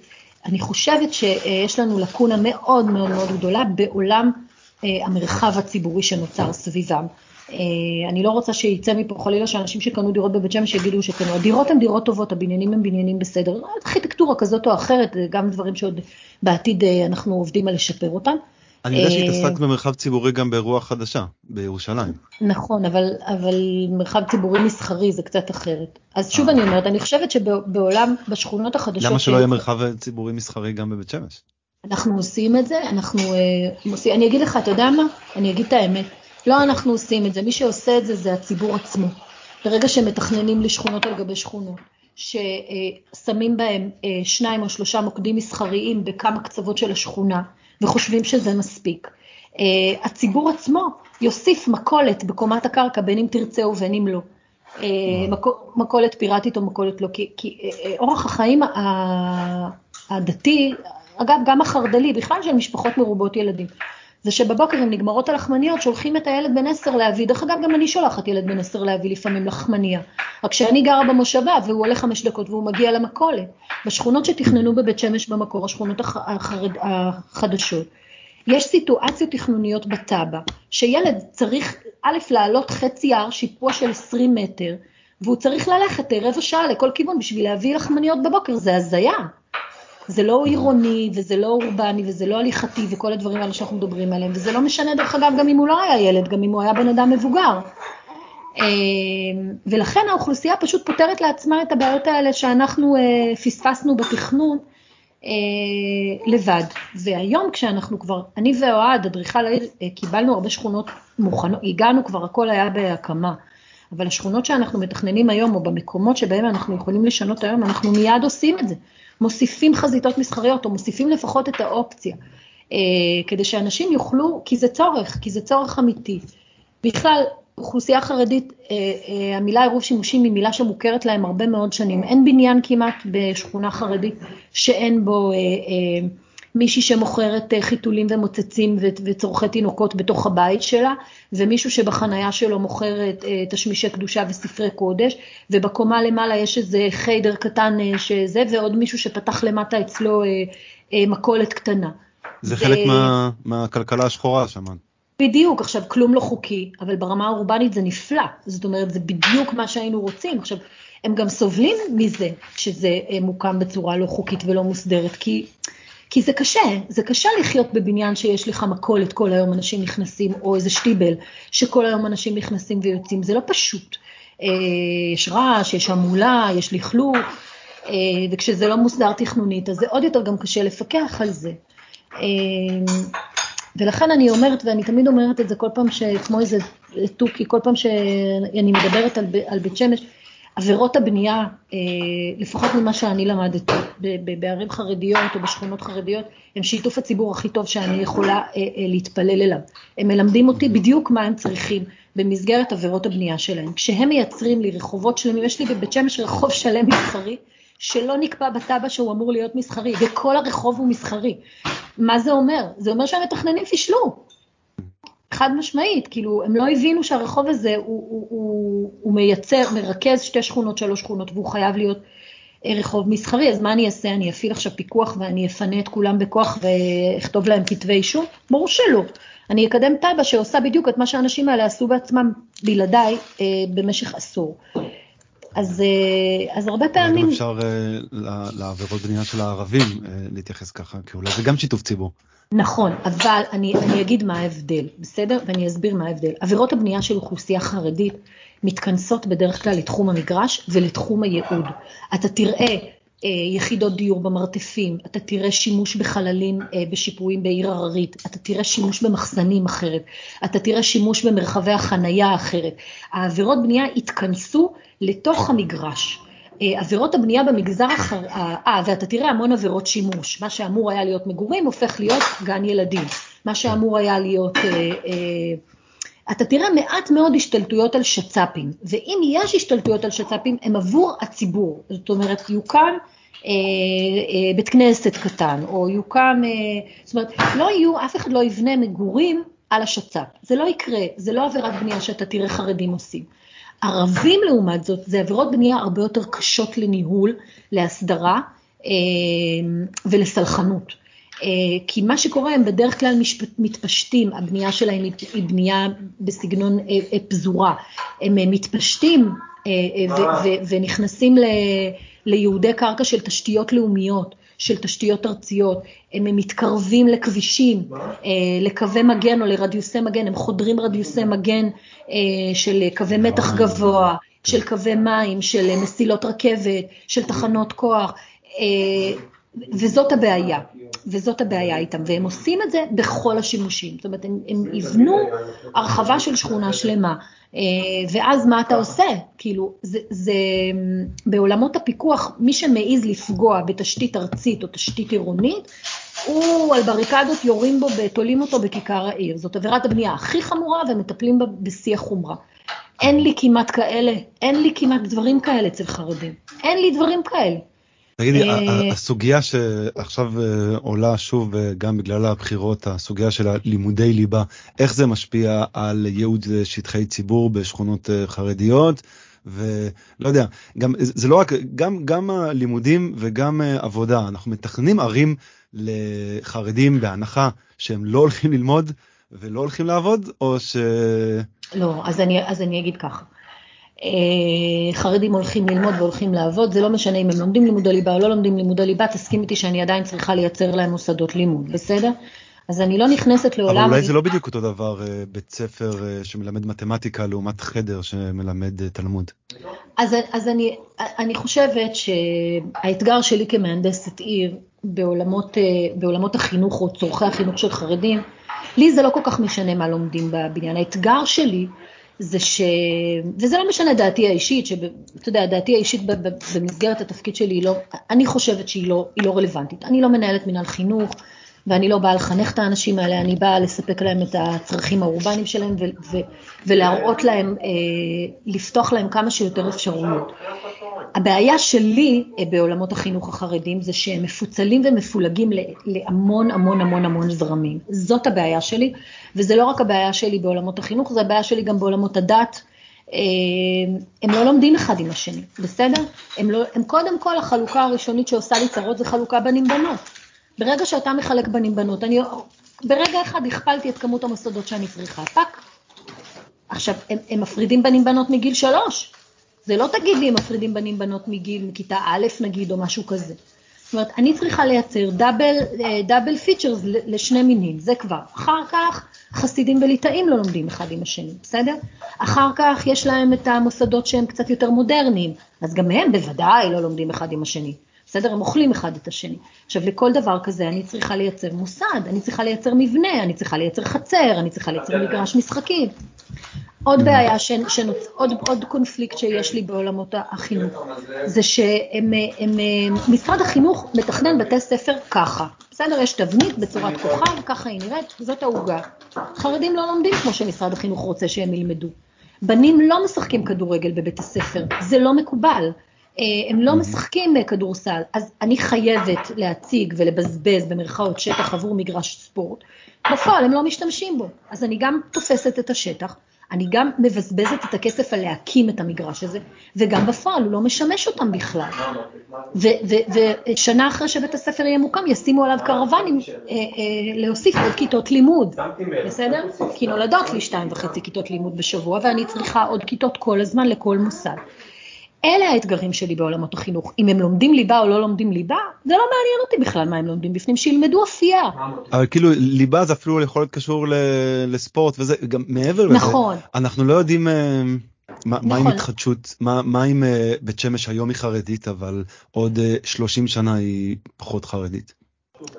זה, זה גם, זה כבר סוגיה אחרת, זה סוגיה של שכונות שתוכננו מראש לאוכלוסייה כללית ובפועל אוכלסו על ידי אוכלוסייה חרדית והן לא מותאמות בכלל אה, מבחינת השטחים החומים שהוקצו להם אה, וכולי. תראה, היום אני חושבת בבית שמש אה, אין לי את הבעיה הזאת, יש לי הרבה מאוד שטחים חומים, הבעיה שלי זה המימוש, הכסף, זה עולה לי המון כסף שאין לי אה, עלויות פיתוח, אני צריכה קירות תמך, יש לי עודפי עפר שאני צריכה לפנות, יש לי קברים, עתיקות, כל העולמות האלה, שהופכים כל בית ספר שעולה, לא יודעת מה, 4 מיליון, לבית ספר שעולה 7 מיליון, ואת הפער הזה אין לי. אה, מבחינת המיקום או מבחינת הפיזור או התכנון שלהם, את זה, זה יש לי, זה בסדר.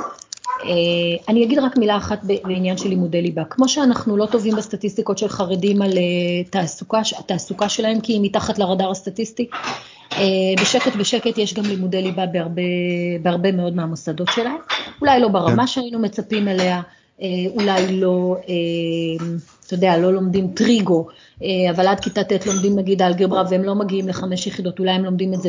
ברמה של שלוש יחידות, אולי ברמה של שתי יחידות, לא בכולם, יש עדיין, תמיד יהיו את המוסדות שלא יכניסו את הדבר הזה, בנות בוודאי לומדות,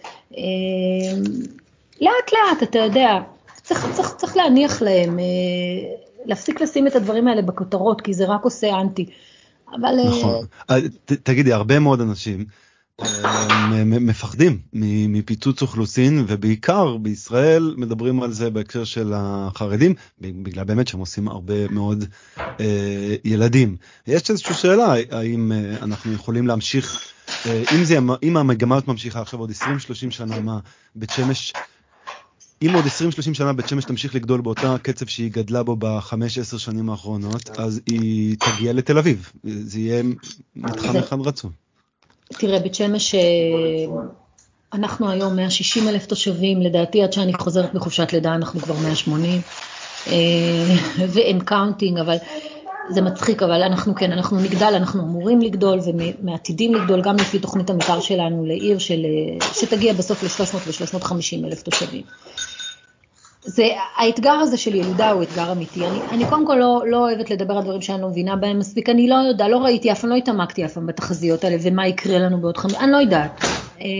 לא, אני, אני, אני גם, אני מתעניין בהקשר התכנוני. בהקשר התכנוני, אבל, אבל בהקשר התכנוני בטח שזה, בטח שזה מדאיג אותנו, ואני חושבת שאנחנו נצטרך כמתכננים, אם אני מתעסקת רק בפתרונות נגיד, ואני לא מנסה אה, אה, למנוע ילודה, או כל מיני דברים כאלה שהם לא בכוחי, לא בסמכותי ו- ו- ולא מתפקידי, אה, נצטרך לייצר בניינים ורסטיליים, בניינים שיודעים להשתנות, בית ספר שיודע, אתה יודע, כמו בחו"ל הרבה פעמים זה מתחיל מפרפ, מגן טרום חובה ועד י"ב באותו קומפלקס, וכל מיני דברים כאלה, חצרות על גגות, שימוש בשצ"פים, אה, שילוב של מוסדות במבנה מגורים, אנחנו נרדוף אחרי עצמנו ונצטרך לייצר המון פתרונות לדבר הזה. הסיפור של ילודה הוא סיפור שהוא קונפליקט אמיתי. אני, אני חושבת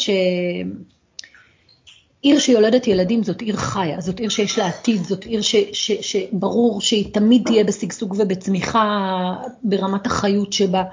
אה, אני אישית בן אדם שמאוד אוהב ילדים גם, אז, אז, אז קשה לי לחשוב שמדינה אה, תמנע ילודה אה, באופן אקטיבי, זה נראה לי הזוי, גם נראה לי לא ישים.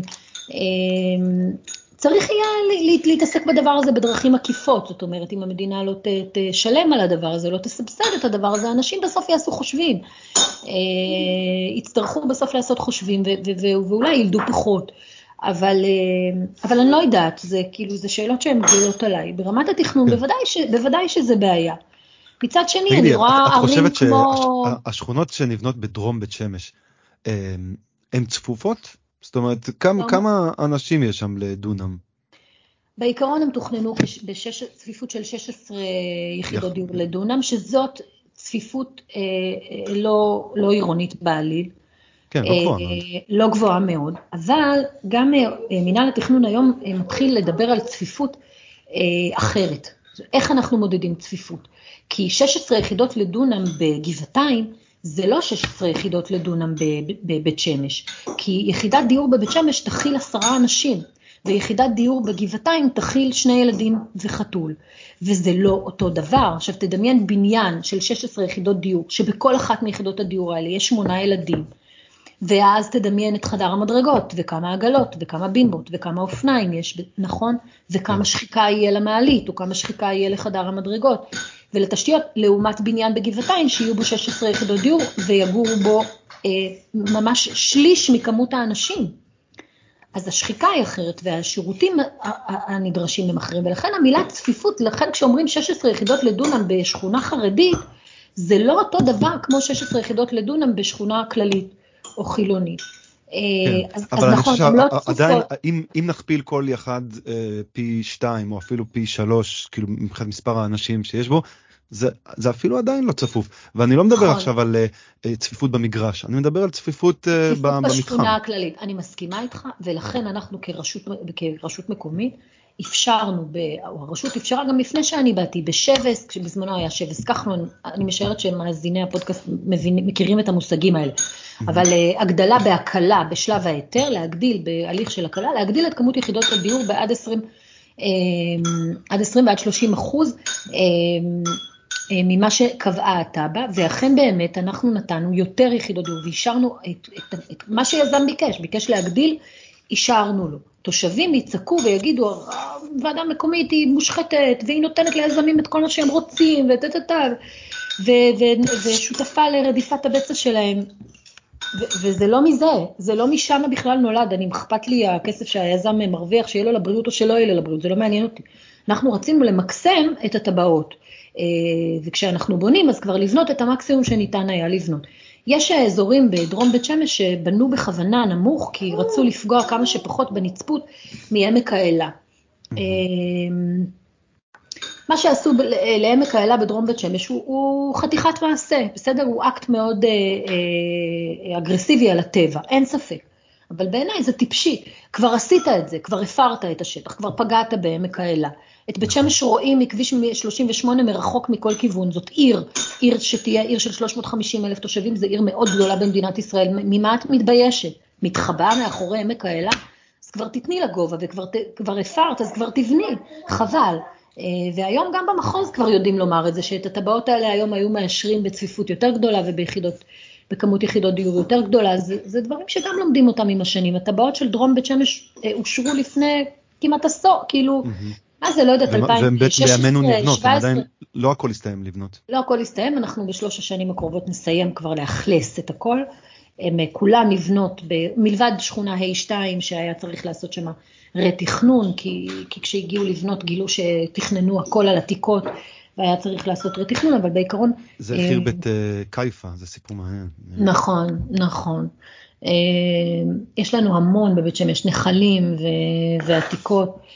אה, דרך אגב, חוץ מהשכונות הדרומיות, אנחנו דוחפים מאוד חזק את הסיפור של התחדשות עירונית בשכונות הוותיקות, כדי לא, לייצר... זה מעניין, אה, אה, אני רציתי לדבר באמת על זה בהקשר של בית שמש, כי באמת יש, יש את הדחיקה לדרום, כי בדרום יש שטחים, הם מוגדרים של בית שמש, יש כבר טבעות מאושרות, אבל יש, ב, יש במרכז את השכונות הישנות, ויש אה, בצפון איזושהי תוכנית למער צפוני, נכון, שמבוסס באמת על רכבת, אה, נכון. שרוצים להזיז אותה ולעשות משהו שכאילו הרכבת תהיה יותר אה, מאפשרת שם, ב, כאילו, כי הרי אנחנו מדברים על צפיפות, אבל בסופו של דבר צפיפות מתאפשרת הרבה מענייני תחבורה. אם אתה רק בונה על אוטובוסים, זה כן מגביל אותך בצפיפות שאתה יכול להגיע אליה. כמו שאמרנו, אי אפשר לבנות מגדלים כמו מנהטן בדרום בית שמש.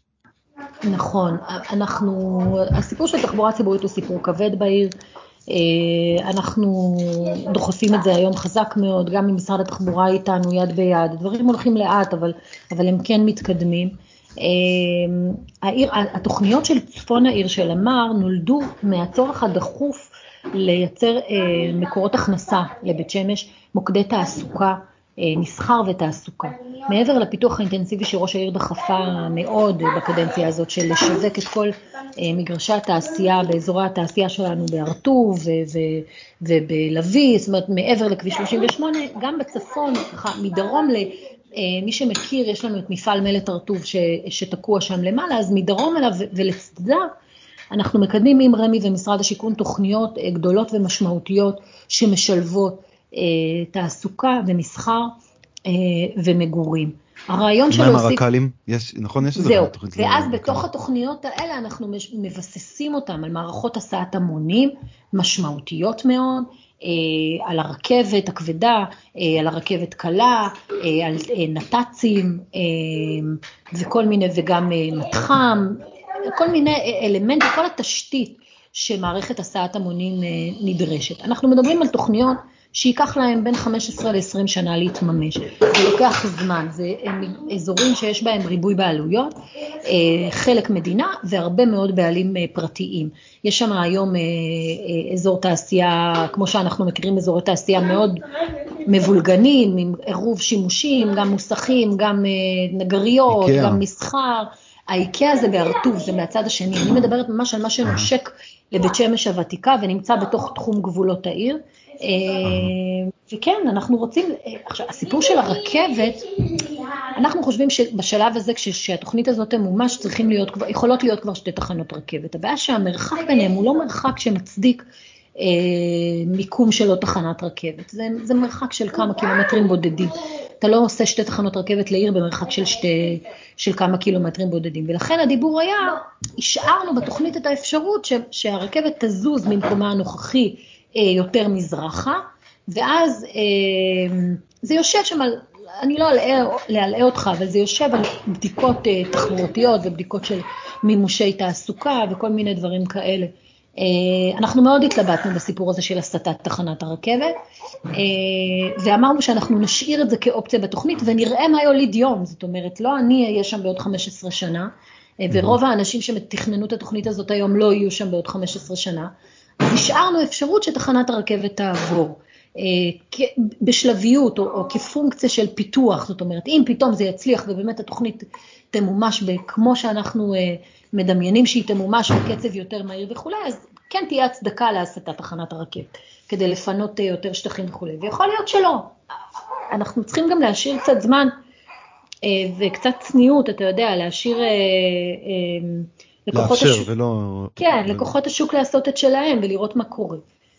תגידי, אה, הסיפור הזה שמאז הקורונה לא החזירו את הרכבת מבית שמש לירושלים, בכלל אכפת למישהו בבית שמש או בירושלים? מאוד, אכפת מאוד. העובדה שאין רכבת מירושלים לבית שמש זאת הזיה, לא פחות מהזיה. אנחנו מדברים על עיר שרוב ההגירה שלה מרבית ההגירה אלינו היא מירושלים, אנשים שגרים בבית שמש מחוברים לירושלים, גם ברמה אה, המשפחתית, אה, לכולם כמעט יש משפחה, כאילו, מה זה לכולם?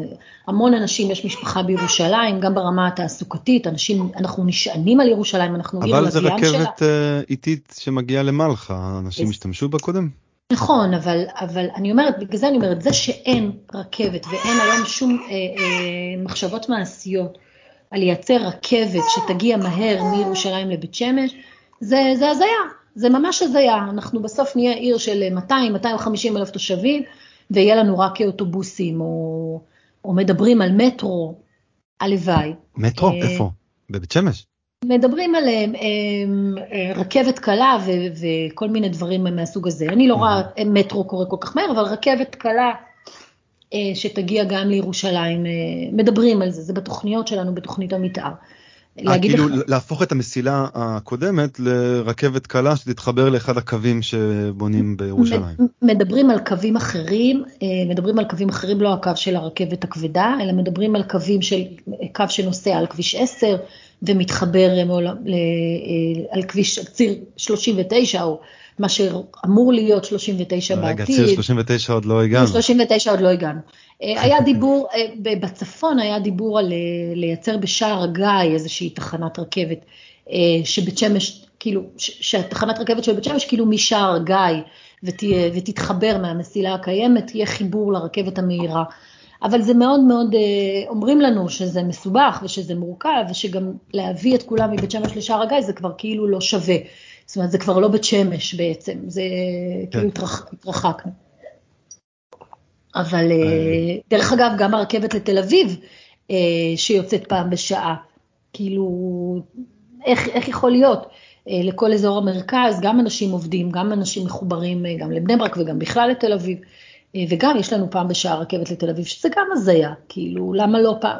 ועליזה ישבה, ראש העיר ישבה עם מנכ"ל הרכבת, ודיברנו על זה, על להכפיל את המסילה, כן. כדי שאפשר יהיה לתגבר את ה... אבל באמת ש... זה גם צריך לבוא עם uh, שימושי קרקע סביב התחנת רכבת, לפתח נכון. סביב התחנת רכבת, ואז כאילו אפשר להגיד הנה יש ביקוש, אנשים שגרים ומשרדים על התחנת רכבת, אנשים ירצו לבוא ברכבת למשרדים או ירצו לנסוע עם הרכבת לתל אביב, כי, הם, כי הרכבת נגישה להם, הרי כיום למי שגר בדרום uh, בית שמש, לנסוע זה, הנסיעה עד לתחנת רכבת היא חצי שעה, בטח בבוקר זה עם פקקים גם. נכון, ו- נכון, אבל אני אומרת לך, גם לא צריך לייצר, אני אומרת לך היום שיהיה ביקוש לרכבת לתל אביב כל חצי שעה מבית שמש, יהיה ביקוש. בסוף אנחנו גם, אה, אה, צריך לומר, אנחנו גם עיר לוויין של המון המון יישובים מסביבנו. גם כל מטה יהודה יושבים עלינו, כל, אה, אה הרבה פעמים גוש עציון, או יישובים מסוימים מגוש עציון היו באים לתחנת רכבת בבית שמש, מאיפה אנחנו יודעים? זה לא רק אנחנו, יש לנו מלא קיבוצים ומושבים שהיו באים לתחנת הרכבת הזאת ומשתמשים בה. ביקוש יש כבר היום, העניין הוא שכמו כל דבר במדינת ישראל זה כסף ופוליטיקה. לאף אחד במדינה, להכפיל מסילה, כמה זמן לוקח להוסיף מסילה רביעית באיילון? שזה הצנטרום ש... כן, מיליון שנה, שזה הצנטרום של אזור הביקוש במדינת ישראל, כמה זמן לוקח להוציא רכבת, כמה זמן לקחת שהוציאו את הרכבת כמו שצריך לבאר שבע, כמה שנים זה לקח, שזה גם עיר ענקית ו- ו- ו- לירושלים לקח 20 שנה. כן, אז כאילו, למי, למי היום בממשלת ישראל, או ב, יש אינטרס להכפיל את המסילה בבית שמש, בשביל שהיא תוכל להגיע ל, ל, לתל אביב? אתה, אתה מבין לבד, זה אירוע ברמה מדינית, זה לא אירוע, ברמה, ברמה ארצית, סליחה. זה לא שכולם מבינים שצריך את זה, ואז אומרים, אה, יאללה, בואו נעשה. לא, לא, צריך שכוחות פוליטיים ידחפו לזה, צריך שיפנו לזה את המשאבים הנכונים. אמ, ומצד שני יש יש למישהו אינטרס לקדם את כביש 39 שזה כביש מהיר מהשכונות הדרומיות של בית שמש שהתחבר לשכונות הדרומיות של אה, ירושלים. הסיפור אמ, של כביש 39 הוא, הוא בית שמש היא בעיניי אנקדוטה שולית על הציר הזה שנקרא ציר 39. ציר 39 בדומה לכביש 16 ולכל הדיונים שנותרו סביבו, הוא הוא הסיפור של ירושלים. הוא, הוא עיר שמתפרסת על פני 142 קילומטר רבוע מצפון לדרום, ויש לה יציאה אחת אה, יחסית, יחסית צפונית, בסדר? כביש מספר אחת. שזה לא ייתכן, לא ייתכן שעיר של מיליון תושבים, אה, ודרך אגב עיר שיש בה אה, אה, אחוז עוני משמעותי ואוכלוסיות אה, שמשתמשות בתחבורה ציבורית בכמויות, בסוף בסוף בסוף יכולים לצאת מירושלים רק על כביש מספר אחת. זה הזוי, לא יכול להיות שלא יהיה לה עוד יציאה מדרום אליה. אמ, וזה באמת הסיפור של כביש 39, בסדר? זה כביש שאמור לשרת גם את כל התושבים, כל מי שגר באזור גוש עציון, שזה דרום, אה, מזרח ודרום, אה, אה, ומטה יהודה, דרום מערב של ירושלים, שצריך היום לנסוע צפונה את כל ירושלים, בשביל לפנות שמאלה למערב המדינה. שזה הזיה. לא, יש לו, יש לו, הרי כביש 39 מתוכנן ברובו על כביש 375 הקיים, הוא פשוט נכון. כביש קטן מדי והמקומות האלה נהיים אה, אימפריות, כל אחד, גוש עציון גדל נכון, וכל נכון, האזורים נכון. האלה גדלים. הכביש, הכביש 39 הוא כביש שיושב על תוואים קיימים, גם מעבר לבית שמש, שזה באמת האזור המאוד בעייתי במיוחד, שאמור להיכנס שם גם באזורים שהם רגישים ביטחונית למדינת ישראל, וגם אזורים שהם מאוד רגישים נופית וסביבתית. אנשים שחיים לבטח ביישובים מוריקים ושלווים, הולכים, רוצים להעביר להם אוטוסטרדה שתתחבר לכביש 6. זה מגה אירוע ברמה הסביבתית, חד משמעית, אז מדברים על מנהור ומדברים על כל מיני דברים כאלה, שזה גם בסוף אה, פגיעה, אנחנו עדיין לא בהולנד, אנחנו לא יודעים לעשות כבישים יפהפיים כמו שעושים שם, הלוואי והיינו יודעים, אה, והיה לנו את הכסף לעשות אותם, אבל הסיפור של כביש 39 הוא עוד כביש רוחב משמעותי במדינת אה, ישראל.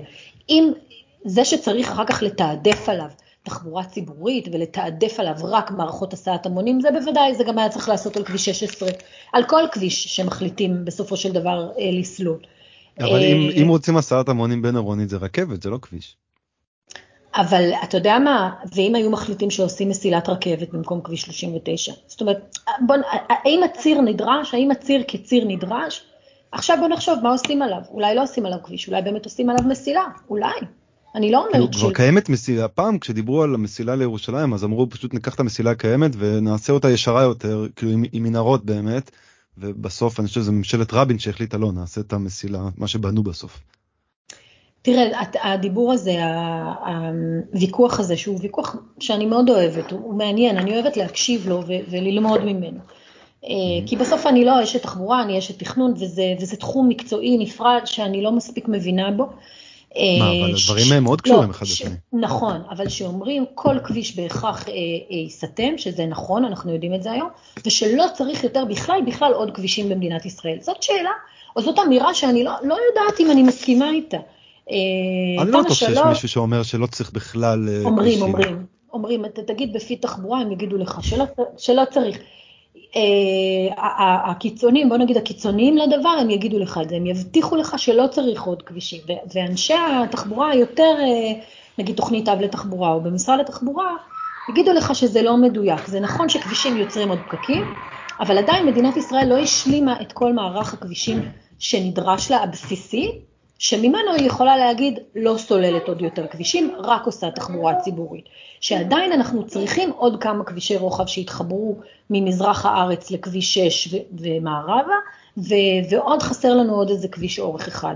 אה, ולא צריך, אה, אה, ואז באמת נוכל להגיד שלא צריך עוד כבישים ואנחנו צריכים רק לתגבר כל הזמן את מערכות. אבל השאלה היא אם יבנו כביש כמו כביש 39, האם זה לא בעצם פתאום ידרבן עוד יותר אה, בנייה לא כזאת צפופה בדרום בית שמש, בנייה לא כזאת צפופה בגוש עציון ובדרום ירושלים, ואז בעצם באמת הכביש הזה ייסתם כמו שאומרים, ואז יגידו טוב אז צריך כבר עוד כביש או להרחיב ולהוסיף לו עוד נתיבים וזה, ואז פשוט נשכח, מ... נשכח מכל הטבע. כי כאילו, כן, זה לא רק האנשים הנחמדים של מטה. כבישים הם תמיד צוללים, אה, אה, כבישים תמיד מצדיקים פיתוח לצידיהם. אה, אנחנו רואים את זה בתוך הערים, שכשאנחנו בוחרים, אנחנו אומרים צירי מתן, או אנחנו נתגבר בנייה לגובה בצירי מתן, זה, זה מדיניות הבנייה לגובה בירושלים למשל, על ציר דרך חברון, על ציר הרצוג, אנחנו רואים את זה על ציר איילון במרכז הארץ.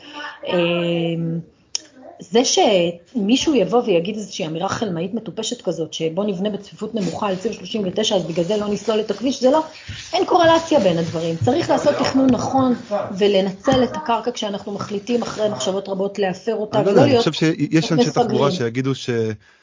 בנייה, בניית כביש, כאילו אתה בונה כבישים ואז אתה בונה, אה, אתה מפתח אה, שימושי קרקע שהם מתאימים לשימוש ברכב, ואז אתה, כמו שאת אומרת, חרדים, אה, במקום שיהיה להם רכב אחד ורכבת, אז הם יקנו עוד רכב, ואז הם, הם, הם ייסעו, ואז צריך חניות בשביל כל הרכבים האלה, אז תקן חניה צריך להיות גבוה יותר, ואז הצפיפות היא צריך להיות נמוכה יותר, אז אני, אז אני, אגיד, אני אגיד לך, אני מבחינתי לא צריכה עכשיו את כביש 39 בסדר, כמהנדסת עיריית בית שמש אני אומרת לך, מה אני כן צריכה? אני צריכה כבר שיעשו לי רמזורים על כביש 10, אני חייבת כבר אה, לסמן נת"צים, יש לי אה, אה, אה, ארבעה מקומות שאני יודעת שאני חייבת נת"צים בתוך העיר כבר, אני צריכה תוספת... ומה, אה, מי, מי עוצר את הנת"צים? שנייה, ואני, ואני חייבת תגבור, תגבור של תוספות שירות לא, לאוטובוסים כבר היום לדרום העיר, ואני יכולה לחיות יופי יופי אה, אה, בלי כביש 39 בינתיים. באמת בינתיים, להרבה שנים קדימה. אבל מה שקורה זה שגם לא עוזרים לי בתוך העיר, או אני לא מצליחה לייצר את המערכות האלה בתוך העיר מספיק מהר. וגם היציאות מהעיר הן אה, אה, לא מטופלות, גם הבין עירוני. אבל אם אתה שואל אותי היום מה מטריד אותי בעולמות התחבורה בבית שמש, בתוך העיר. מחוץ לעיר לא מטריד אותי אה, כמו שמטריד אותי בתוך העיר. מטריד אותי בתוך העיר, שלוקח 40 דקות היום, או אנשים, אני פותחת שכונה חדשה, ויש להם אוטובוס פעם ב-25 דקות או פעם בשעה. זה הזיה. עכשיו, משרד התחבורה יודע את זה, אנחנו בדיבור איתם, אנחנו, תוספות שירות זה משהו שחסר אה, בהמון ערים, לא רק בבית שמש, אנחנו כל הזמן, ראש העיר זה המילה הראשונה שהיא אומרת בכל פגישה עם משרד התחבורה. אה, עכשיו יצא איזה קול קורא למוניות שירות או לכל מיני מקבילות אה, פרטיות לתחבורה ציבורית ממוסדת. אה, ומצחיק, הדביקו את זה לניסיון אה, להוביל לתחבורה ציבורית בשבת. בבית שמש זה לא בשביל להוביל תחבורה ציבורית בשבת, זה לא משהו שמעניין מישהו בבית שמש, או שמישהו חושב... פשוט כדי שתהיה תחבורה ציבורית. אמ, זה מצחיק, הכתב הרלוונטי לנושא הזה אמר לי, ענבר, אתם, אתם ניגשים לקול קורא? אז אמרתי לו, כן, בטח. אז הוא, כתבו את זה אחר כך עם איזה כותרת כזאת, שזה תחבורה ציבורית בשבת, וכולם רצו, אחר כך הייתה השתוללות בבית שמש. זה, זה ממש לא מזה. אנחנו פשוט רוצים תחבורה ציבורית, לא אכפת לנו כבר אם היא תהיה ממוסדת או תהיה מוניות שירות אה, פרטיות. אמ, אז זה מה שמטריד אותנו היום בעיקר. אה, והסיפור של השכונות הדרומיות, אנחנו, מה שקורה זה שמותחים את הקווים הקיימים ומושכים אותם, מותחים אותם לתוך השכונות אה, החדשות. במקום לא לעשות איזושהי רפורמה כזאת. כן, במקום לעשות. עכשיו, ואז מה קורה? אותו קו ש, שבן אדם בשכונה אמצעית, ש, שהפעם היה שכונה דרומית והיום בשכונה אמצעית, היה רגיל שהקו נוסע מרחק מסוים בפרק זמן מסוים. עכשיו אותו קו נוסע הרבה יותר כי הוא צריך לעשות סיבוב גם בשכונות הדרומיות. כל הדברים האלה הם דברים שידועים אה, אה, לשלטון המרכזי בעולמות התחבורה שעובדים איתנו, גם תוכנית אב לתחבורה, גם רשות תחת, כולם יודעים. אה, חלקם אה, מסתכלים עלינו בכאב ואומרים, אנחנו לא יכולים לעזור לכם עכשיו כי אין לנו כסף לזה, וחלקם, אה, אנחנו שם, זאת אומרת, אף אחד לא בא ואמר, בית שמש, אתם סתם בכיינים, אתם לא צריכים כלום, לכו הביתה וזה. כולם מבינים את זה, זה פשוט חלוקת משאבים שמתועדפת לכל המדינה, לא רק לנו. ושוב, זה גם סוגיה פוליטית, אתה יודע, אין, אין לנו היום... צריך לומר את זה, אין היום אף אחד שמצביע למרב מיכאלי בבית שמש, אני לא יודעת כמה אנשים מצביעים, זאת אומרת, זה בסוף גם, אה, אתה יודע, זה גם פוליטיקה אה, מקצועית, ועדיין היא עשתה המון עבור העיר, ודוחפים המון עבור העיר, זה יקרה בסוף, זה בסוף בסוף יקרה. אה, הרבה פעמים הדברים האלה במדינה מגיעים אחרי, אחרי שהקטסטרופה כבר נראית ש... לעין ולא לפני. שר תחבורה חרדי היה מקדם רק"לים בבית שמש? בספק, לא? אני חושבת שאם היה, אה, שאם היה אה, מפלגות חרדיות היום בממשלה, אז בוודאי שהיו מקדמים גם אינטרסים, היה יותר קל אה, לקדם אינטרסים של, לקדם דברים כאלה בתוך הממשלה. כן, כשיש נציגות, כשיש לך נציגות, אז כן, אבל גם היום משרד התחבורה מאוד קשוב בסך הכל. אבל בסוף חלוקת המשאבים היא, אתה יודע, היא לכולם, זה לא רק... בסוף בית שמש היא עדיין, בהשוואה לכל מדינת ישראל, או לצרות של אזורי הביקוש במרכז, היא עדיין עיר קטנה, אבל אנחנו לא יכולים שלא להתעצבן. כשאנחנו רואים שאת מודיעין כבר מחברים, ומוסיפים למודיעין עוד ועוד, ואנחנו, שאנחנו, אם אה, היינו עם נתוני פתיחה אה, לא פחות טובים משל מודיעין, אה, מבחינת מיקום גיאוגרפי ומבחינת עיר לוויין שמשמשת מרחק בין ירושלים לתל אביב, אנחנו לא נמצאים שם עדיין. זה מתסכל, זה מאוד מתסכל. אני יכול להגיד לך שאם אה, כאילו אם זה אם בית שמש תהיה עיר של 350 או משהו כזה 350 אלף איש אז אה, יש מעט ערים כאלה באירופה שאין בהם אה, באמת מטען איזשהו רק"לי מטרו או משהו כזה היא כבר תיכנס לקטגוריה אחרת. נכון, השאלה מה יקרה עד אז, והשאלה אם הפתרונות, אה, אנחנו לא יכולים לחכות עם הפתרונות האלה עד שנהיה 360 אלף תושבים. לא, זה צריך לבוא תוך כדי. זה צריך לבוא תוך כדי, אז זה מה שאנחנו, אה, זה בעצם מה שאנחנו מנסים לדחוף כל הזמן, זאת אומרת להתריע אם... כן. כבר עכשיו, כי בסוף התוכניות אה, לגודל הזה כבר מקודמות היום. עכשיו, זה לוקח זמן לעשות מתן, זה לוקח זמן לצבוע נת"צ, זה לוקח זמן לתכנן. אה, לעשות התאמות אה, לאוטובוסים מפרקיות. למה, לעשות... למה לצבוע נת"צ זה לוקח זמן? לא אמור להיות יחסית... אה, כי אנחנו רוצים היום על נת"צים למשל להעביר, בבית שמש כבר אין עניין להעביר אוטובוס רגיל, אנחנו נעביר רק אוטובוסים מפרקיות. והכבישים וה, שלנו והגיאומטריות של הכבישים שלנו לא, לא, לא מתאימים לאוטובוס מפרקי. אה, שלא נדבר על זה שאנחנו מבטלים חניות, אנחנו צריכים לעשות קצת שינויי גיאומטריה. זה לא אמור לקחת המון זמן, אבל אה, צריך לתכנן קצת מחדש את הכבישים האלה בשביל לצבוע עליהם נתן. אפשר מחר בבוקר ללכת ולצבוע נת"צ, אפשר, אבל אנחנו יכולים לתת עוד מאמץ קטן וכבר לעשות את זה, שזה יתאים לאוטובוס מפרקי ושזה יהיה ממש יותר, יותר טוב ברמה הבטיחותית, ברמה התנועתית. יועצי תנועה אוהבים, אתה יודע, לתכנן. אה, אנחנו כאדריכלים, אני לא מבינה למה אי אפשר פשוט לא לצבוע צהוב את הכביש וגמרנו, אבל הם אומרים, לא, מה פתאום, צריך שדה ראייה, צריך רדיו סיבוב, צריך זה, צריך פה, צריך... שלא נדבר על זה שאנחנו צריכים את כל הכיכרות שלנו להפוך לרמזורים, אין דבר כזה נת"צ עם כיכרות. כל העיר בית שמש אין לנו רמזור אחד, הכל כיכרות. באמת? אז כן, כן. אז, אז גם למהלך הזה צריך לעשות איזשהו תכנון מוסדר ו. בשביל לעבור. זה לא כמו בתל אביב שכבר הכל רמזורים וזה, ואז אתה פשוט צובע. זה קצת אחרת. אבל אנחנו שם, בדרך לשם. אז אם אני מבין נכון, אז התוכניות של בית שמש כרגע בדרום לסיים את הבנייה של הטבעות הישנות, במרכז אה, לקדם אה, התחדשות אה, עירונית, שזה תהיה הבנייה בשנים הקרובות, ובצפון לנסות לקדם איזשהו מין מער, שזה יהיה לעוד 20 שנה. כן, והתחדשות עירונית, לדחוף מאוד התחדשות עירונית כדי לייצר מלאי יחידות דיור. אה, גם אה, הוותיק, בעיר הוותיקה, לחדש את העיר הוותיקה, גם היא, שכחנו ממנה ולא דיברנו עליה, אבל היא עיר, אה, אבל אנחנו לא באמת שכחנו ממנה. האתגר הוא היום באמת בצפון, אבל האתגר לא פחות הוא לחדש את פני העיר הוותיקה, שזה אתגר של כל הערים היום. הגרעינים הוותיקים של כל הערים היום, וזה כן. אתגר אמיתי, כי, כי זה לא רק, זה למגדל אותה, לאיזה גובה, כמה, איפה, אה, זה לא פשוט, זה לא פשוט לתושבים, זה לא פשוט לנו כמתכננים, אה, לא פשוט על התשתיות של העיר. אה, אז כן, להתמודד עם צורכי הציבור והמרחב הציבורי בדרום, ולחדש בהתחדשות עירונית את פני העיר הוותיקה, ולתפור את הכל ממש בצורה מהודקת עם כמה שיותר מערכות תחבורה ציבורית, שזה גם אתגר. כן. מבחינת התושבים.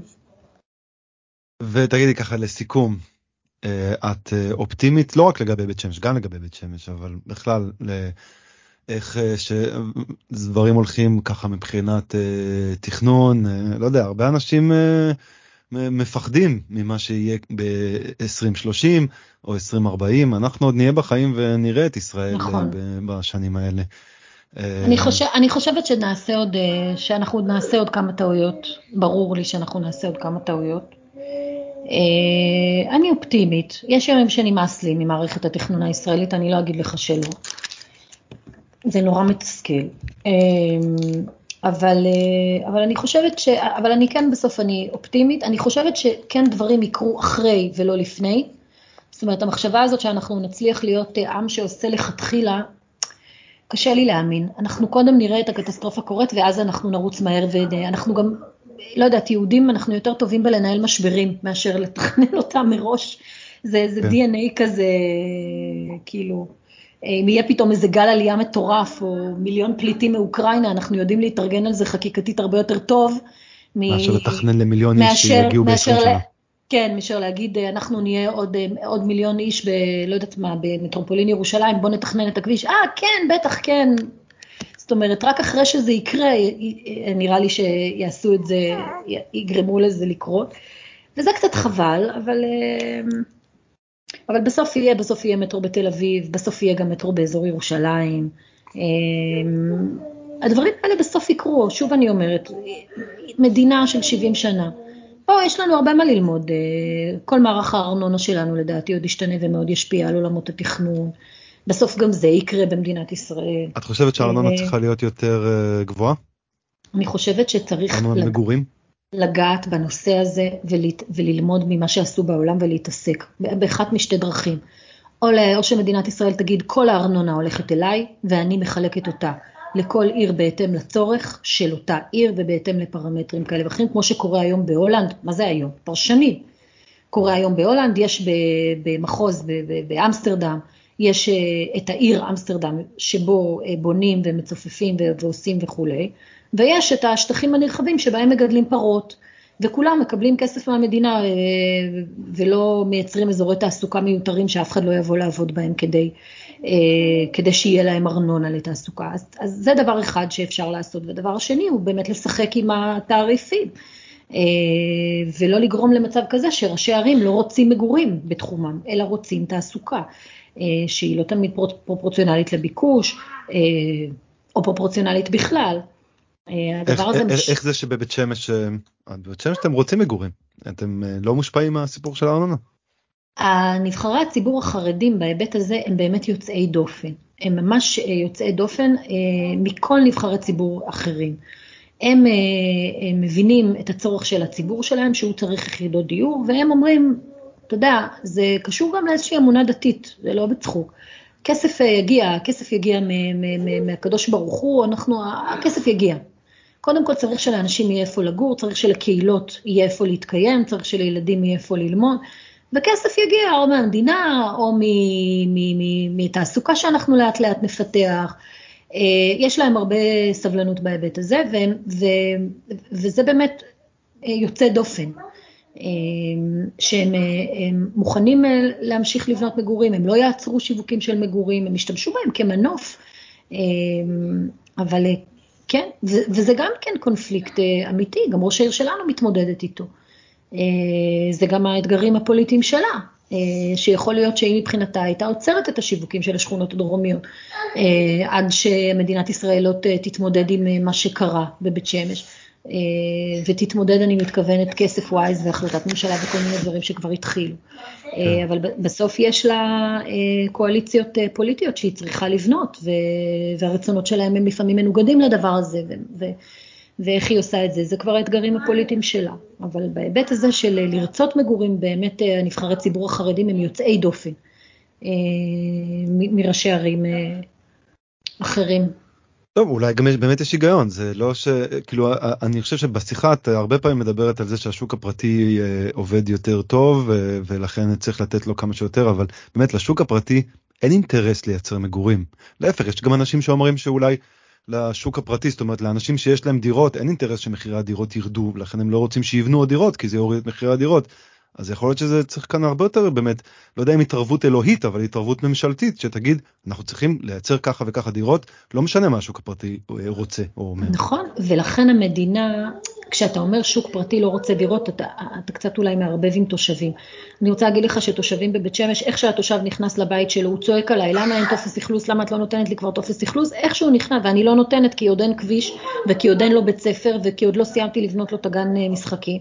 אז אם אני בסוף אה, מתייאשת ואני נותנת לו טופס אכלוס, אז הוא יגיד לי, מה, איך, איך אני, מה זה השכונה הזאת שתכננת בלי גן ילדים ובלי בית? זאת אומרת, אין להם בעיה לצרוח עליי בשני הכיוונים אה, ולהתלונן פעמיים, פעם אחת שבניתי דירות ופעם אחת למה בניתי, אה, שלא בניתי ופעם אחת למה כן בניתי.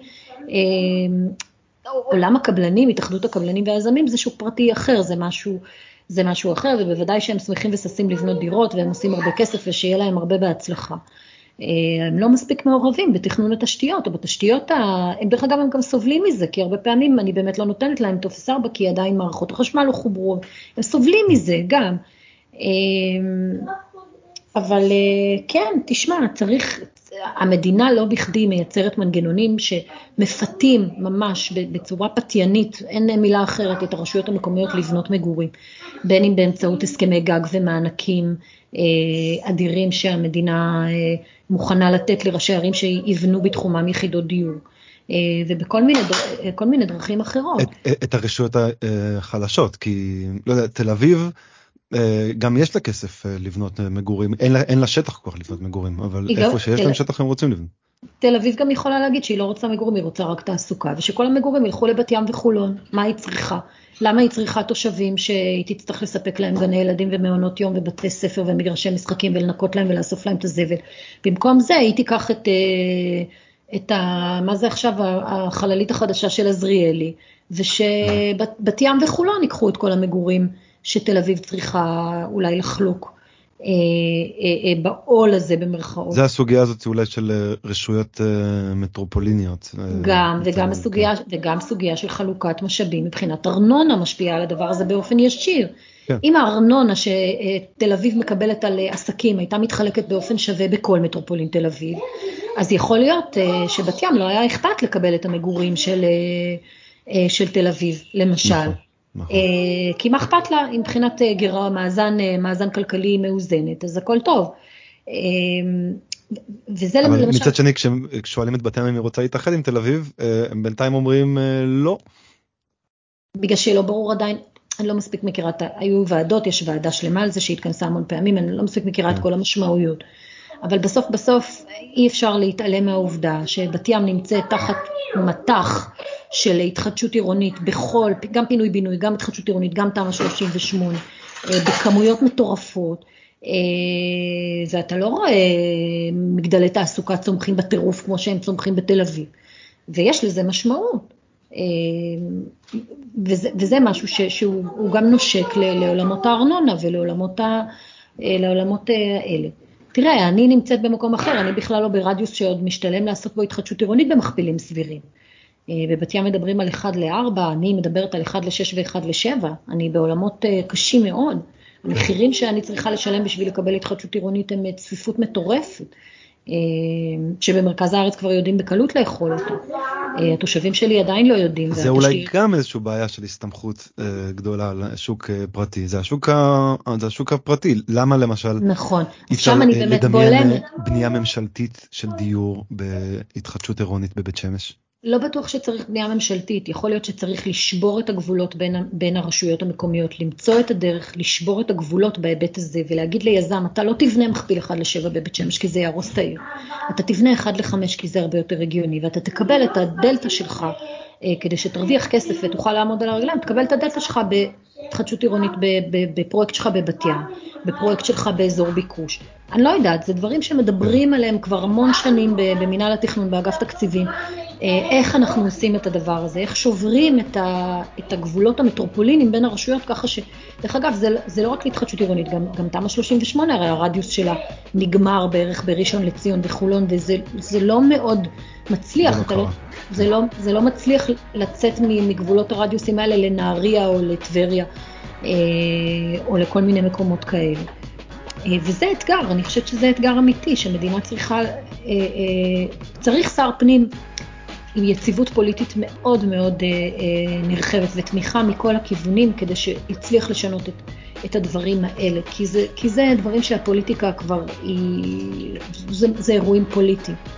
אה, שינוי חלוקת ההכנסות במדינה, שינוי גבולות מטרופולינים לעניין התחדשות עירונית ופינוי-בינוי, זה, זה סוגיות כבדות משקל שרמ"י, אגף תקציבים ו, ומשרד הפנים וכולי, ומינהל התכנון מתעסקים בהם, אני זוכרת שדיברו על זה עוד בתקופה של בינת ובוודאי גם לפני.